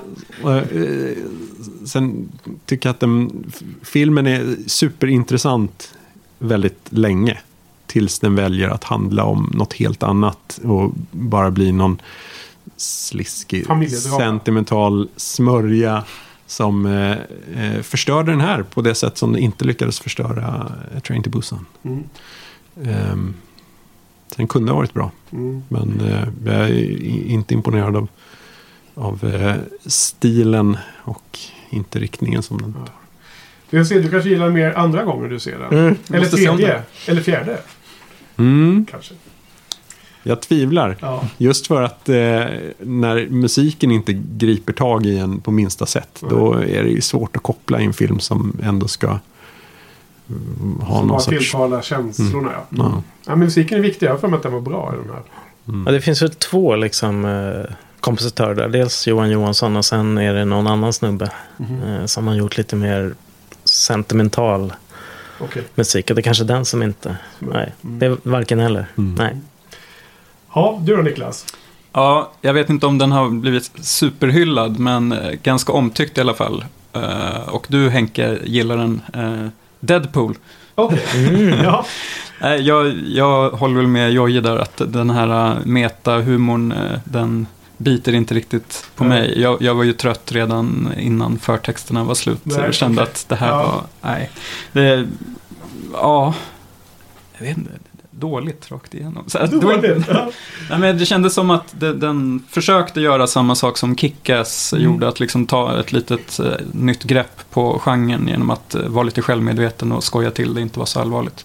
Men där tyckte jag att det fanns, inte, det fanns ett hjärta på något sätt i, i Kick-Ass och, och roliga karaktärer eh, på ett annat sätt. Ja, jag Bra gillar musik. Kick-Ass jättemycket också. Så Ja. att säga. Den var på min topp 10 det året. Och visst, eh, jag skrattar till vid ett par tillfällen här, men främst, främst tycker jag att det är så här skämt som dras eh, för långt. Så att, eh, jag vet, det räcker inte att, även om det är så här en, finns dåliga inslag i filmen och de själva påpekar det liksom och är transparenta så gör det inte saken bättre, Nej. tycker jag. Så, mm. Nej, det är väl jättesvårt med komedi förstås. mm, Med humor. Det kan vara slå. väldigt subjektivt. Mm, väldigt subjektivt. Mm. Ja, det är intressant att höra. Men det var ju trist. Eh, Jag såg ju som sagt om den igår just för att jag läste min egen text och bara kände så att det här måste jag återuppleva för att se om det kan stämma det jag skrev liksom. Eh, Så att jag är väldigt eh, säker på att jag gillade den humorn eftersom jag dubbelkollade det så sent som igår. Mm. Ja, jag har ju... eh, Jag lovar, jag har inte fuskat på alla. Jag har faktiskt fuskat på den här kategorin Nej, också. Och det är två filmer som jag känner att jag måste se om. Därför att jag känner att de är, poppar upp här. Och det ena är Hail Caesar. Och det nämnde jag redan tidigare att jag antagligen blev liksom överloaded. I, jag har inte riktigt eh, fångat alla. Eh, och det är anledningen till det är att den... Eh, när någon, exempelvis Carl, driver, eh, så att säga, eh, beskriver olika scener i filmen så tänker jag tillbaks som om, ja men den var ju bra. Och den var ju bra. Och den var ju bra. Och ändå så känner jag inte att jag har den bilden av helheten då. Och den andra som är lite samma då, det är ju Shane Blacks uh, The Nice Guys. Som jag, han är ju ganska kul författare. Och det är en film som borde mm, också funka för mig men som jag inte var lika eh, pepp på när den gick när jag såg den på bio då. då. Det är ju med uh, han, eh, den feta där, vad heter han? Russell Crowe. Ja, är den, han eh, tråkiga, vad heter han då? Ryan Gosling. Ja, Ryan Gosling. Det är det som är problemet kanske. Det Nej, jag, tyckte han var jätte, jag tyckte faktiskt han var rolig i Ja. Gosling i den här filmen. Ja, Speciellt den där scenen på toaletten. fysisk humor. där, Ja. Ja. ja, det är möjligt. Den är väl den jag är mest eh, osäker på om jag verkligen kommer gilla. Även om jag ser om den då. Men Hail Caesar känns nästan som att den redan är hemma. Bara, bara av rent intellektuell tankeverksamhet så borde den funka nästa gång. Men där hade jag exakt samma upplevelse. Att eh, när enstaka scener återberättas så låter de jätteroliga. Ja, från uh, Nice Guys menar Ja, du? precis. Ja, Men funkade inte när jag såg den. ja, nej. För jag kommer att jag gillar den där eh, dottern ganska mycket. Hon var intressant i den filmen. Så att, eh, det är väl ett skäl nog att ge den en chans till. Mm. För det är någon skådis som jag tror dyker upp i andra filmer här. Som hon, hon kommer kanske inte försvinna. Ja, lustigt. Vi får se den tillsammans någon gång. Mm. Eh, om det passar. Okej, nu har jag fuskat nog i kategorin. Jag ska bara en film på vardera sen. Så vi kommer till nästa och då är det un Most Underrated. Det vill säga filmer som jag gillar fast omgivningen verkar inte fatta den filmen. Mm. Har du någon sån Johan? Ja, jag har tre filmer. där. Ja, ja. Nej, nej. nej det blir en Ja, det bara. var ett skämt bara. Ja, det var ett skämt. eh, Ja, alltså det är ju då The Neon Demon. Eh, som jag tycker är underbar. Eh, Men som ganska många verkar ha väldigt svårt för. Eh, men för mig var det ju det som Carl beskrev. Alltså själva otroligt snygg. Eh, jag älskar musiken, bilderna. Det finns någon scen där... Det är egentligen som en musikvideo. Eh, med några trianglar som återkommer. Och, eh, jag, vet, jag minns inte vad som hände, men jag blev, och musiken är väldigt bra där också. Då. Jag, bara satt och var hög på, på den filmen. Ja, kul. Eh, ja, så... För det var en av de här som du skulle se i kapp på för att den här bunten av filmer du vill se innan. Ja, den, den ingick där. Ja. Och den, den fick ju en fyra då, men den, ja, det räckte inte till. Ku- Kul att den levererar då. Ja, Mm. Har du någon underrated movie då som du vill lyfta? Ja, jag har två faktiskt. Eh, dels Assassin's Creed.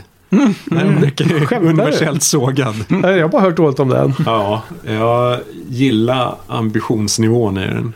Eh, Men det är den här Ralph Fiennes-filmen va? Fassbender. Fassbender. Ja. Ni lyssnar inte på Alex och Sig- Sigge. Jaha. Jaha, nej. Det gjorde rolig...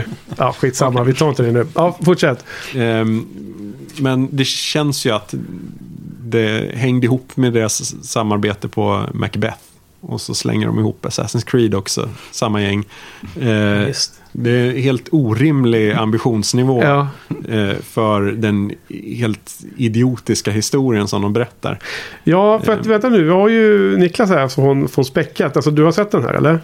Jag har inte sett den och jag har inte spelat spelen. Så jag är en dålig Nej, expert i men- det här fallet. Men, Det brukar ju vara svårt att gå från dataspel till långfilm va? Ja, det har väl aldrig blivit riktigt bra, skulle jag vilja säga. Man, man tappar en sån vital komponent när man inte får styra själv, tycker jag. Det, det är det som är hela poängen på något sätt. Jag tycker att de har gjort eh, en eh, någorlunda version av det där. Mm. Och, eh, alltså, spelens handling är ju lika idiotisk och eh, helt nonsens. Det är lite märkligt att de valde att fokusera på just det där när det som gjort spelen populära är, är en, själva de historiska bitarna. För sen finns det ju en ramhandling som då är, är helt vansinnig som man har valt att lägga ganska mycket krut på här. Det är Okej. kanske bortkastat. Men, eh, Men man, man spelar en lönnmördare som får ett uppdrag, eller vad gör man? Ja, man går in i någon tidsmaskin och hoppar in i eh, någon förfaders eh, kropp som var lönnmördare. Och så får man gå runt och slakta lite folk. Och Okej, lite, eh, så blir det roligt. Ja, det, det, ofta så är den historien som då händer i dåtiden är långt mycket mer intressant än det som händer i nutid. Mm. Så det är dumt att fokusera på det som är i nutid. Okej. Men, Mm. Sen vill jag även nämna Batman vs. Superman. Åh, Dawn okej. of Justice. Ja, ja, ja. Ehm, Ben Affleck igen. Ja, eh, den är inte bra, men eh, än en gång så uppskattar jag eh, lite bildspråket i den. Men vänta nu, det är Zack Snyder va? Ja. Okej. ja. Eh, Du uppskattar vansinnet? ja, eh, ja, verkligen. För eh, i Man of Steel så har de ju en massa fåniga Eh, bilder där han, själva Superman ska föreställa någon Kristusfigur. Mycket korsformationer och sånt där. Eh, funkar inte riktigt där, men här så är det ofta som de hamnar i eh, påser i, med starka skuggor och sådär som påminner om något mm, kanske barockkonstverk eller renässanskonstverk med tunga religiösa eh, bilder. Eh, och, och så är det ju mycket slow motion och dramatisk Hans Zimmer eh, musik. Alltså, så, det är så här, What's not to ja, like? Ja, precis. Men Men, det- men- att han, han vill på något sätt eh, ha en sån här överdramatisk medeltida katolsk Ja. eh, ton eh, i, i hela framställningen, vilket jag kan uppskatta. Men det känns som att man skulle vilja se den här filmen med dig då, eller nå- nå- någon som gillar den på det sättet och, och så ser, den, ser på den med ironiska ögon och, och ta en drink under tiden. Det är kanske då man uppskattar den som mest då, eller? Jag försökte faktiskt se den här igår. Alltså, Eh, gick inte. nej, jag kom 25 minuter och sen, nej. Ja. Jag, nej. Totalt uttråkad. okej. Ja, ja, du har lyckats. Jag har inte heller sett den, men min eh, bild av den från att ha följt eh, eh, branschen är ju att den inte är uppskattad. Så att du har träffat in i. Du har uppfyllt eh, kriteriet väl där i alla fall. Har du sett den Niklas? Jag har sett den. Ja, Eh, älskar i- den. Nej, Nej. ingen favorit men inte så dålig som de flesta. Som, ja, inte Deadpool-klass. Ett till. Ja. Ah, Okej, ja. okej. Mm. Mm. Ehm, ja, då tar jag min mest underskattade. Jag, jag känner att jag inte riktigt har infriat Henkes förhoppningar här att komma med mycket blockbuster-material till den här listan. Men jag tänkte du skulle supporta lite. Ja, precis. Eh, och så kommer jag in här och gör lite tvärtom, kommer med tråkiga dokumentärer, tips istället. Ja, ingen fara. Nej. Nej, men jag tycker att eh, Jason Bourne var underskattad. Du? Okej. Ja. För jag, jag gillade ju verkligen inte det här Jeremy Renner. Nej, nej. Det gör ingen. Det är ingen som gör det. Nej. Och jag tycker väl inte heller att det här är lika bra som originaltrilogin då. Mm. Men eh, jag hade ändå väldigt kul. Det är ju de här eh, hoppen mellan exotiska miljöer Ja. och eh, Paul Greengrass. Gamla Bond. Ja, med lite Bond fast modern tappning. Ja. Greengrass kan ju göra sånt här i sömnen. Ja. Snabba Han klipp gjorde det i sömnen också. Han- ja, det lite kanske. Men jag, jag förstår. Jag ja. förstår. Det Och var lite som att komma hem för att, att se Matt Damon igen och eh, Mm. Tommy Lee Jones i en så här härlig eh, skurkroll. Eh, Ja. Alltså, jag har den faktiskt här på plats 40. Den, 40, den allra okej. sista bubblaren. så de var inte helt tokiga då. Men jag jämför, som eh, besvikelse är det också lite på vad man förväntar sig. ja. Jag hade förväntat mig att de skulle göra en, eh, ny energi, ny start. Mm. Jacka upp sig från trilogin och göra något som är ännu bättre. Alltså jag hade så orimliga förväntningar. Mm. Det var kanske mitt eget fel. Så hade jag också en visning from hell. Ja, Men jag tror Det- det var på den visningen. Var det jag som satt och förstörde det? nej det var det inte. Det var mannen med Fedora-hatten. Ja, just det. Ja. Den storyn ja. Ja, jag orkar inte dra den Nej, här på den. Vi tar podden. den off mic. Ja, nej, men det, ibland kan ju då, skillnad mot att ha en här underbar filmvisning som höjer en film och så kan få en, att tänka på den filmen som väldigt bra resten av livet så kan ju också ri- riktigt dåliga filmupplevelser sänka en film. Visst. Ja, underrated. Jag har ganska tråkigt eh, filmval här känns det som om man jämför med flera av eras då. Men jag tycker faktiskt att eh, Woody Allens förra senaste film Café Society är mycket bättre än vad den omtalad som jag har uppfattat det som. Mhm. Jag tycker att eh, Kristen Stewart var svinbra. Det nämnde jag tidigare i podden. Och jag tycker även att Jesse Eisenberg är det som spelar huvudrollen tror jag. Som spelar Woodys vanliga roll. Mm. Eh, är bra i där. Massor med bra birollsinnehavare som alltid. Eh, och det är det här klassiska äldre man, yngre kvinna problematiken. Och jag tycker att för att vara, han har tagit en helt annan väg. Han har ju valt en helt annan... ehm, han har problematiserat runt den frågan på ett sätt som känns som är nytt för att vara Woody. Så det, det tycker jag var spännande med den här filmen. Plus att jag då tyckte att den var skön. Alltså bra film också. Så den, den tycker jag är underrated. För- Har ni sett den eller? Eh, ja. Nej. Ja. Nej. Nej, va, va, visst. eh, Den anses inte någon jättehit Nej, eller? den, eh, till exempel Adam på Filmspotting som är ju Woody Allens största fan. Han tyckte inte alls om den. Nej. Vad tyckte du då? Eh, jag minns inte riktigt vad... Helt okej. Ja. Inga, inte så att jag tyckte den var dålig. Nej. Eh, Mm. Kristen Stewart var ju svinbra. Mm. Hon, hon har någonting där. När hon inte spelar Bella. Bella. Ja, precis. Hon har något där.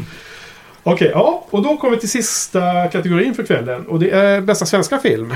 Mm. Ehm, Ja, det är lite svårt då. man kanske inte har sett så många Nej, filmer det, där då. det, men... Jag var mycket bättre på att se svensk film för några år sedan. Tio år sedan kanske såg Mm. vi i alla fall tio kanske. Mm. Åtminstone. Nu, nu, är, nu kan man nog räkna den på handens ena fingrar. Men eh, den jag kommer fram till är faktiskt den allvarsamma leken.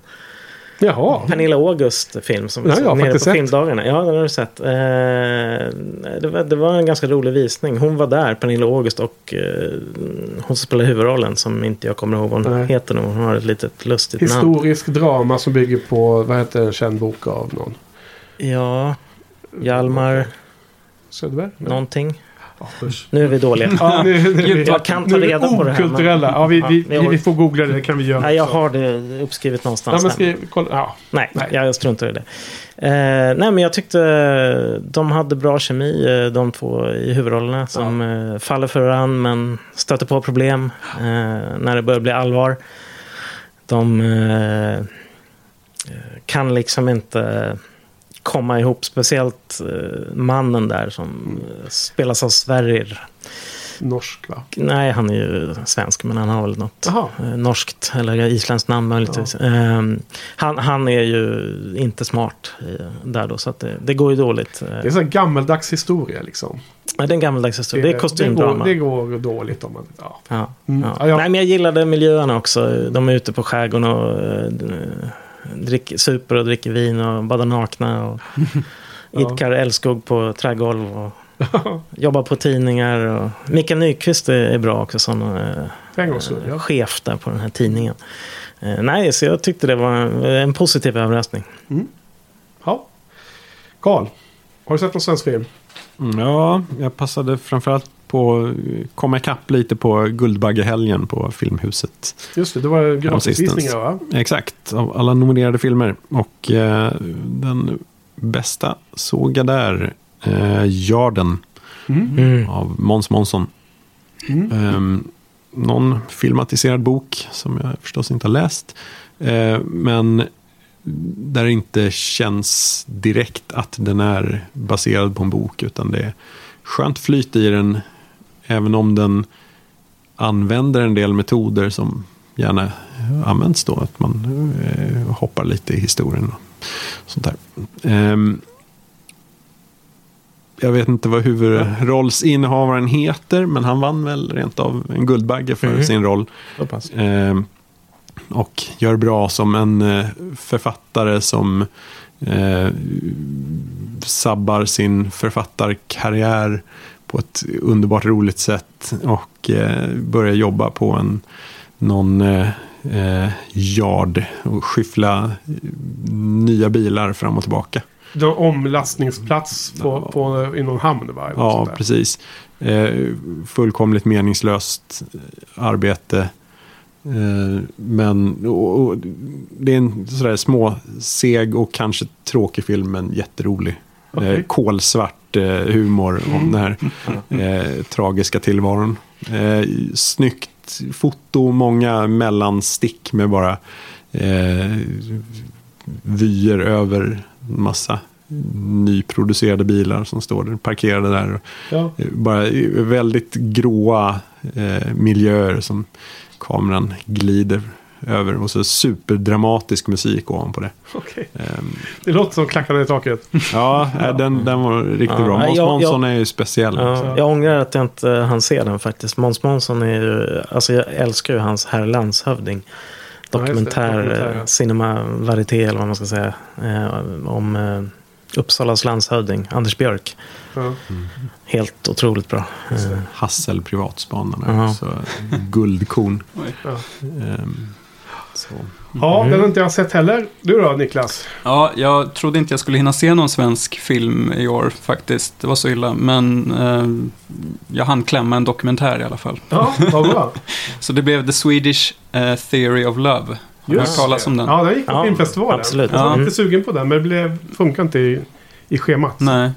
Ja, det är en dokumentär som sagt där som ja, temat är då att eh, undersökningar visar att fler och fler svenskar eh, dör ensamma. Ja, Eh, lever ensamma. lever ensamma liv och dör ensamma då såklart. Att, för att eh, alla tekniska möjligheter gör att fler och fler väljer att eh, göra så. Att man eh, skjuter ifrån sig det här eh, liksom, familjebyggnaden eh, eller strukturen. Och att liksom, kvinnor kan välja att eh, skaffa barn på konstgjort vis. Så behöver inte leva Mm. med en man för det, eller kvinna. Ehm, ja, så ganska deppig dokumentär ändå. Man Mm. ser ju liksom när folk när de håller på och liksom rensar ut tomma lägenheter efter eh, Mm. folk som har legat döda i två år som mest för att autogiro gör ju att eh, räkningen betalas eh, och det är ingen som saknar dem så de ligger där. Så ni, ja, ni hör ju. Två år? Ja, de hittade något sånt fall. Ja, ser man att de håller på och vädrar där. Men det. Klackarna i taket. Klacken i taket. Did you hear about last night in Sweden? Nu för... Det var inte det det handlade om. Jaha, eh, Trump. Ja. Okej. Det fanns annat elände i Sverige också. Det fanns eländigt. Ja, Ja. Nej, men en perfekt eh, fredagsmyskväll. Ja, det är precis. samma regissör som har gjort den här Videocracy. Va? Ja, Den precis. italienska. Ja, exakt. eh, Men, men var den, du kan rekommendera den också eller? Ja, Den var helt okej, ska jag säga. Jag Ja. tycker den tappar lite fokus på slutet. Och han, eh, berättaren som jag tror är regissören också, han... Låter som han försöker härma Werner Herzog. Han har en väldigt speciell röst. Ja, det tänkte jag på även i den här tidigare filmen. Ja, precis. Ja. Okej. Så det drar ner betyget. Ja, ja, jag har inte heller sett speciellt många svenska filmer. Ehm, jag vet inte, det är ett fåtal bara. Men jag så, såg en väldigt, väldigt bra film. eh, som jag trodde du skulle välja, Karl. Som jag trodde faktiskt att... Ja, Vi den, ha hade, samma. ja, om den hade varit 2016 så hade jag nog plockat den. Ja, oh. 2017 på IMDB, felaktigt. Det, det är den här filmen eh, Småstad i alla fall. Johan Löfstedt som jag är dessutom otroligt bra. Så jag kan verkligen rekommendera den. även- För om man ser väldigt få svenska filmer så kanske den som blir bäst inte blir superbra. Men i det här fallet är det det. En eh, fik- fiktiv historia som känns dokumentär och som delvis är dokumentär. Jag vet inte riktigt hur man ska beskriva det. Men det handlar om... Eh, regissören heter Johan Löfstedt och det är han och hans familj som spelar en historia som är ungefär om hans familj. Svårt att beskriva. I en liten stad i Sverige. Och det, handlingen är att eh, pappan eh, till de vuxna barnen och till alla barnbarnen, den gamla mannen i, i eh, par, par, patriarken i familjen, eh, när han går bort efter hans begravning så finner de på hans dator eh, inspelade videosnuttar där han hälsar. Han har spelat in avskedshälsningar till sina barn. Fyra eller fem barn han har. Vuxna människor som har egna familjer. Och sen så får man egentligen följa och se lite hur det... Eh, vilka chockvågor det sänder genom familjedynamiken. De filmerna. Och det här med vad man gör med sitt liv. Eh, eh, ånger, reg regret, vad heter det? Ja, eh, sorger. Ja, vad man gör med livet helt enkelt. Det är svårt att beskriva. Men det är en otroligt eh, annorlunda film i formatet och eh, fascinerande film på det sättet. Det var en, eh, en upplevelse att se filmen. Jag såg den på bio också. Stockholms filmdagar. Ja. Vad säger du Carl? Du har sett den va? Ja, och den har ju tack vare det där halvdokumentära så får den lite eh, samma styrka som Boyhood. Att den eh, har hela uppväxten med de här eh, på den vänster. Mm. Känns äkta. Och, Ja, alltså är- ända, ända ja. till jag såg eftertexterna att pappan levde. För så är det väl va? Mm. Så trodde jag att det var egentligen dokumentärt fast man hade gjort en fiktion av i efterhand genom att bara klippa ihop. Men de blandar ju in eh, egna hemmavideos och nyinspelningar givetvis då. då. Ja, svårt att beskriva. Men en väldigt bra film. Nej, den berör verkligen stenhårt. Och Ja. Det är livsbejakande på den vänster. Alla som har haft föräldrar och haft eh, bott i någon familj någon gång kan nog känna igen sig i den här filmen på ett eller annat sätt. Och det är de flesta människor. Förutom de här helt ensamma då. Mm, I Sverige. precis. De kan ha haft föräldrar också. Ja, nej men det var... eh, Jag fick sitta kvar ganska länge i salongen eh, för att torka tårarna efteråt. För det var bara... Man blev så berörd bara liksom. Det var inte speciellt sorglig. Det var ju snarare tvärtom. Men det var, blev, man, man kände sig helt urlakad efteråt. Eh, Så en skön känsla ibland. Man ser på en sån typ av film. Mm. Ja, okej då. Eh, men då är vi klara med även andra delen av den här maratoninspelningen av eh, Buffypodden special. Ska försöka avrunda här lite. Toppfilmerna 2016. Jag tänkte igenom några av hörnen i alla fall. Eller hur? På filmkartan. Ja, ganska många. Hör. Ganska många. Ja. Mm. Inte så jättemycket skräck. Inte så mycket komedi. Nej. Nej. Fast ganska mycket roliga filmer ändå. Ja, mycket roligt i icke-komedier. Lite skräck bland bubblarna. Ja, inte så mycket italiensk film. Du har det. En av Ja. Eh, tre stycken samma ettor. Det var ju... Det är speciellt. En Ja. besvikelse. Det var en besvikelse kanske. Eh, mer än att just titeln, också att det var för lika, eller vad tycker du? Nej, det var Det också, titeln. Det var det också. titeln. Nej, den är värd det. Um, Okej. Nej, men jättekul hörni, Europa. Mm. Eh, Jätteroligt att ni hörsammade eh, kallelsen hit. Och fick eh, ersätta Johan med, tre, med en Johan plus två till. Ja. Så eh, vad säger ni? Har ni några avslutande ord? Niklas? Nej, ska jag berätta vad man eh, når med? Ja, eller? det får du göra. Ja, precis. Eh, tack för att jag fick komma. Eh, Niklas Lundqvist på Twitter om man vill kontakta mig. Eller Späckat om man vill lyssna på spelpodcasten. Ja. Och det tycker jag man ska göra. Den är rolig. Ja, vi försöker få med så många som möjligt på tåget. Även fast det, det kanske främst riktar sig till gamers. Så Ja. försöker hålla det lite brett ändå. Mm. Och Carl? Några sista ord? Nej, tack för att man fick komma tillbaka. Eh, Tack för att du kom tillbaks. ja, ses Kanske, nästa år. kanske inte sista gången. Nej, ses nästa år. Ja. ja, och du skriver ibland eh, recensioner och eh, kåserier på har du inte sett det.se. Ja, precis. Vi får försöka skaka upp tempot lite där. Ja, ja. Och eh, annars följ mig på Letterboxd. Mm. Och Johan? Mm. Eh, mig hittar man på eh, Twitter på Jojinito. Eh, bloggar om film på jojinito.wordpress.com.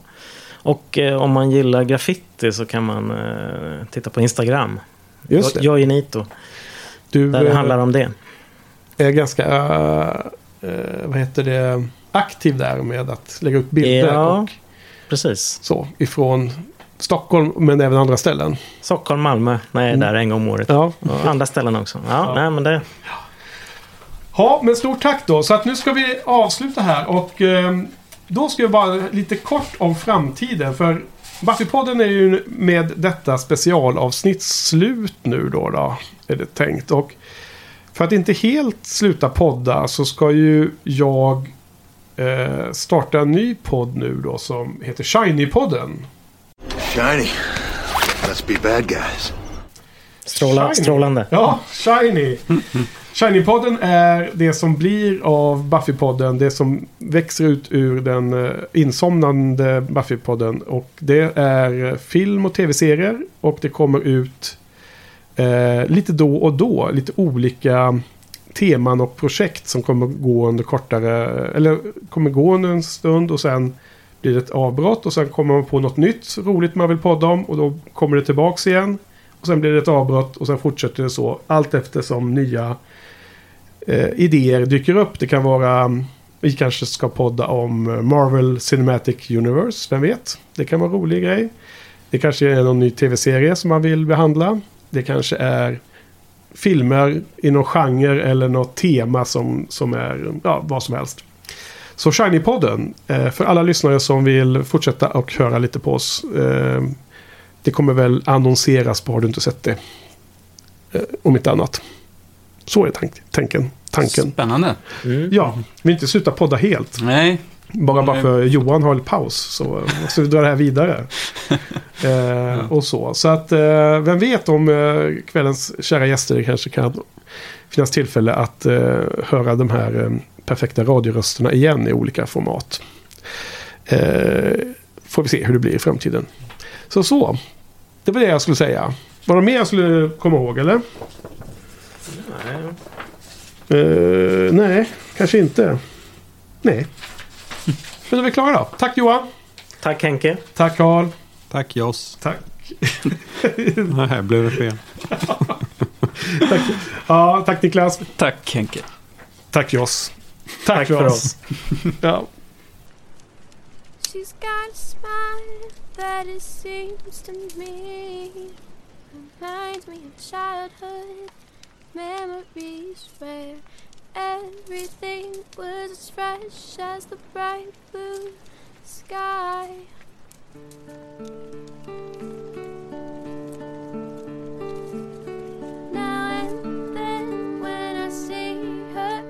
place. She takes me away to that special place. And if I stay too long, I'd probably break down and cry.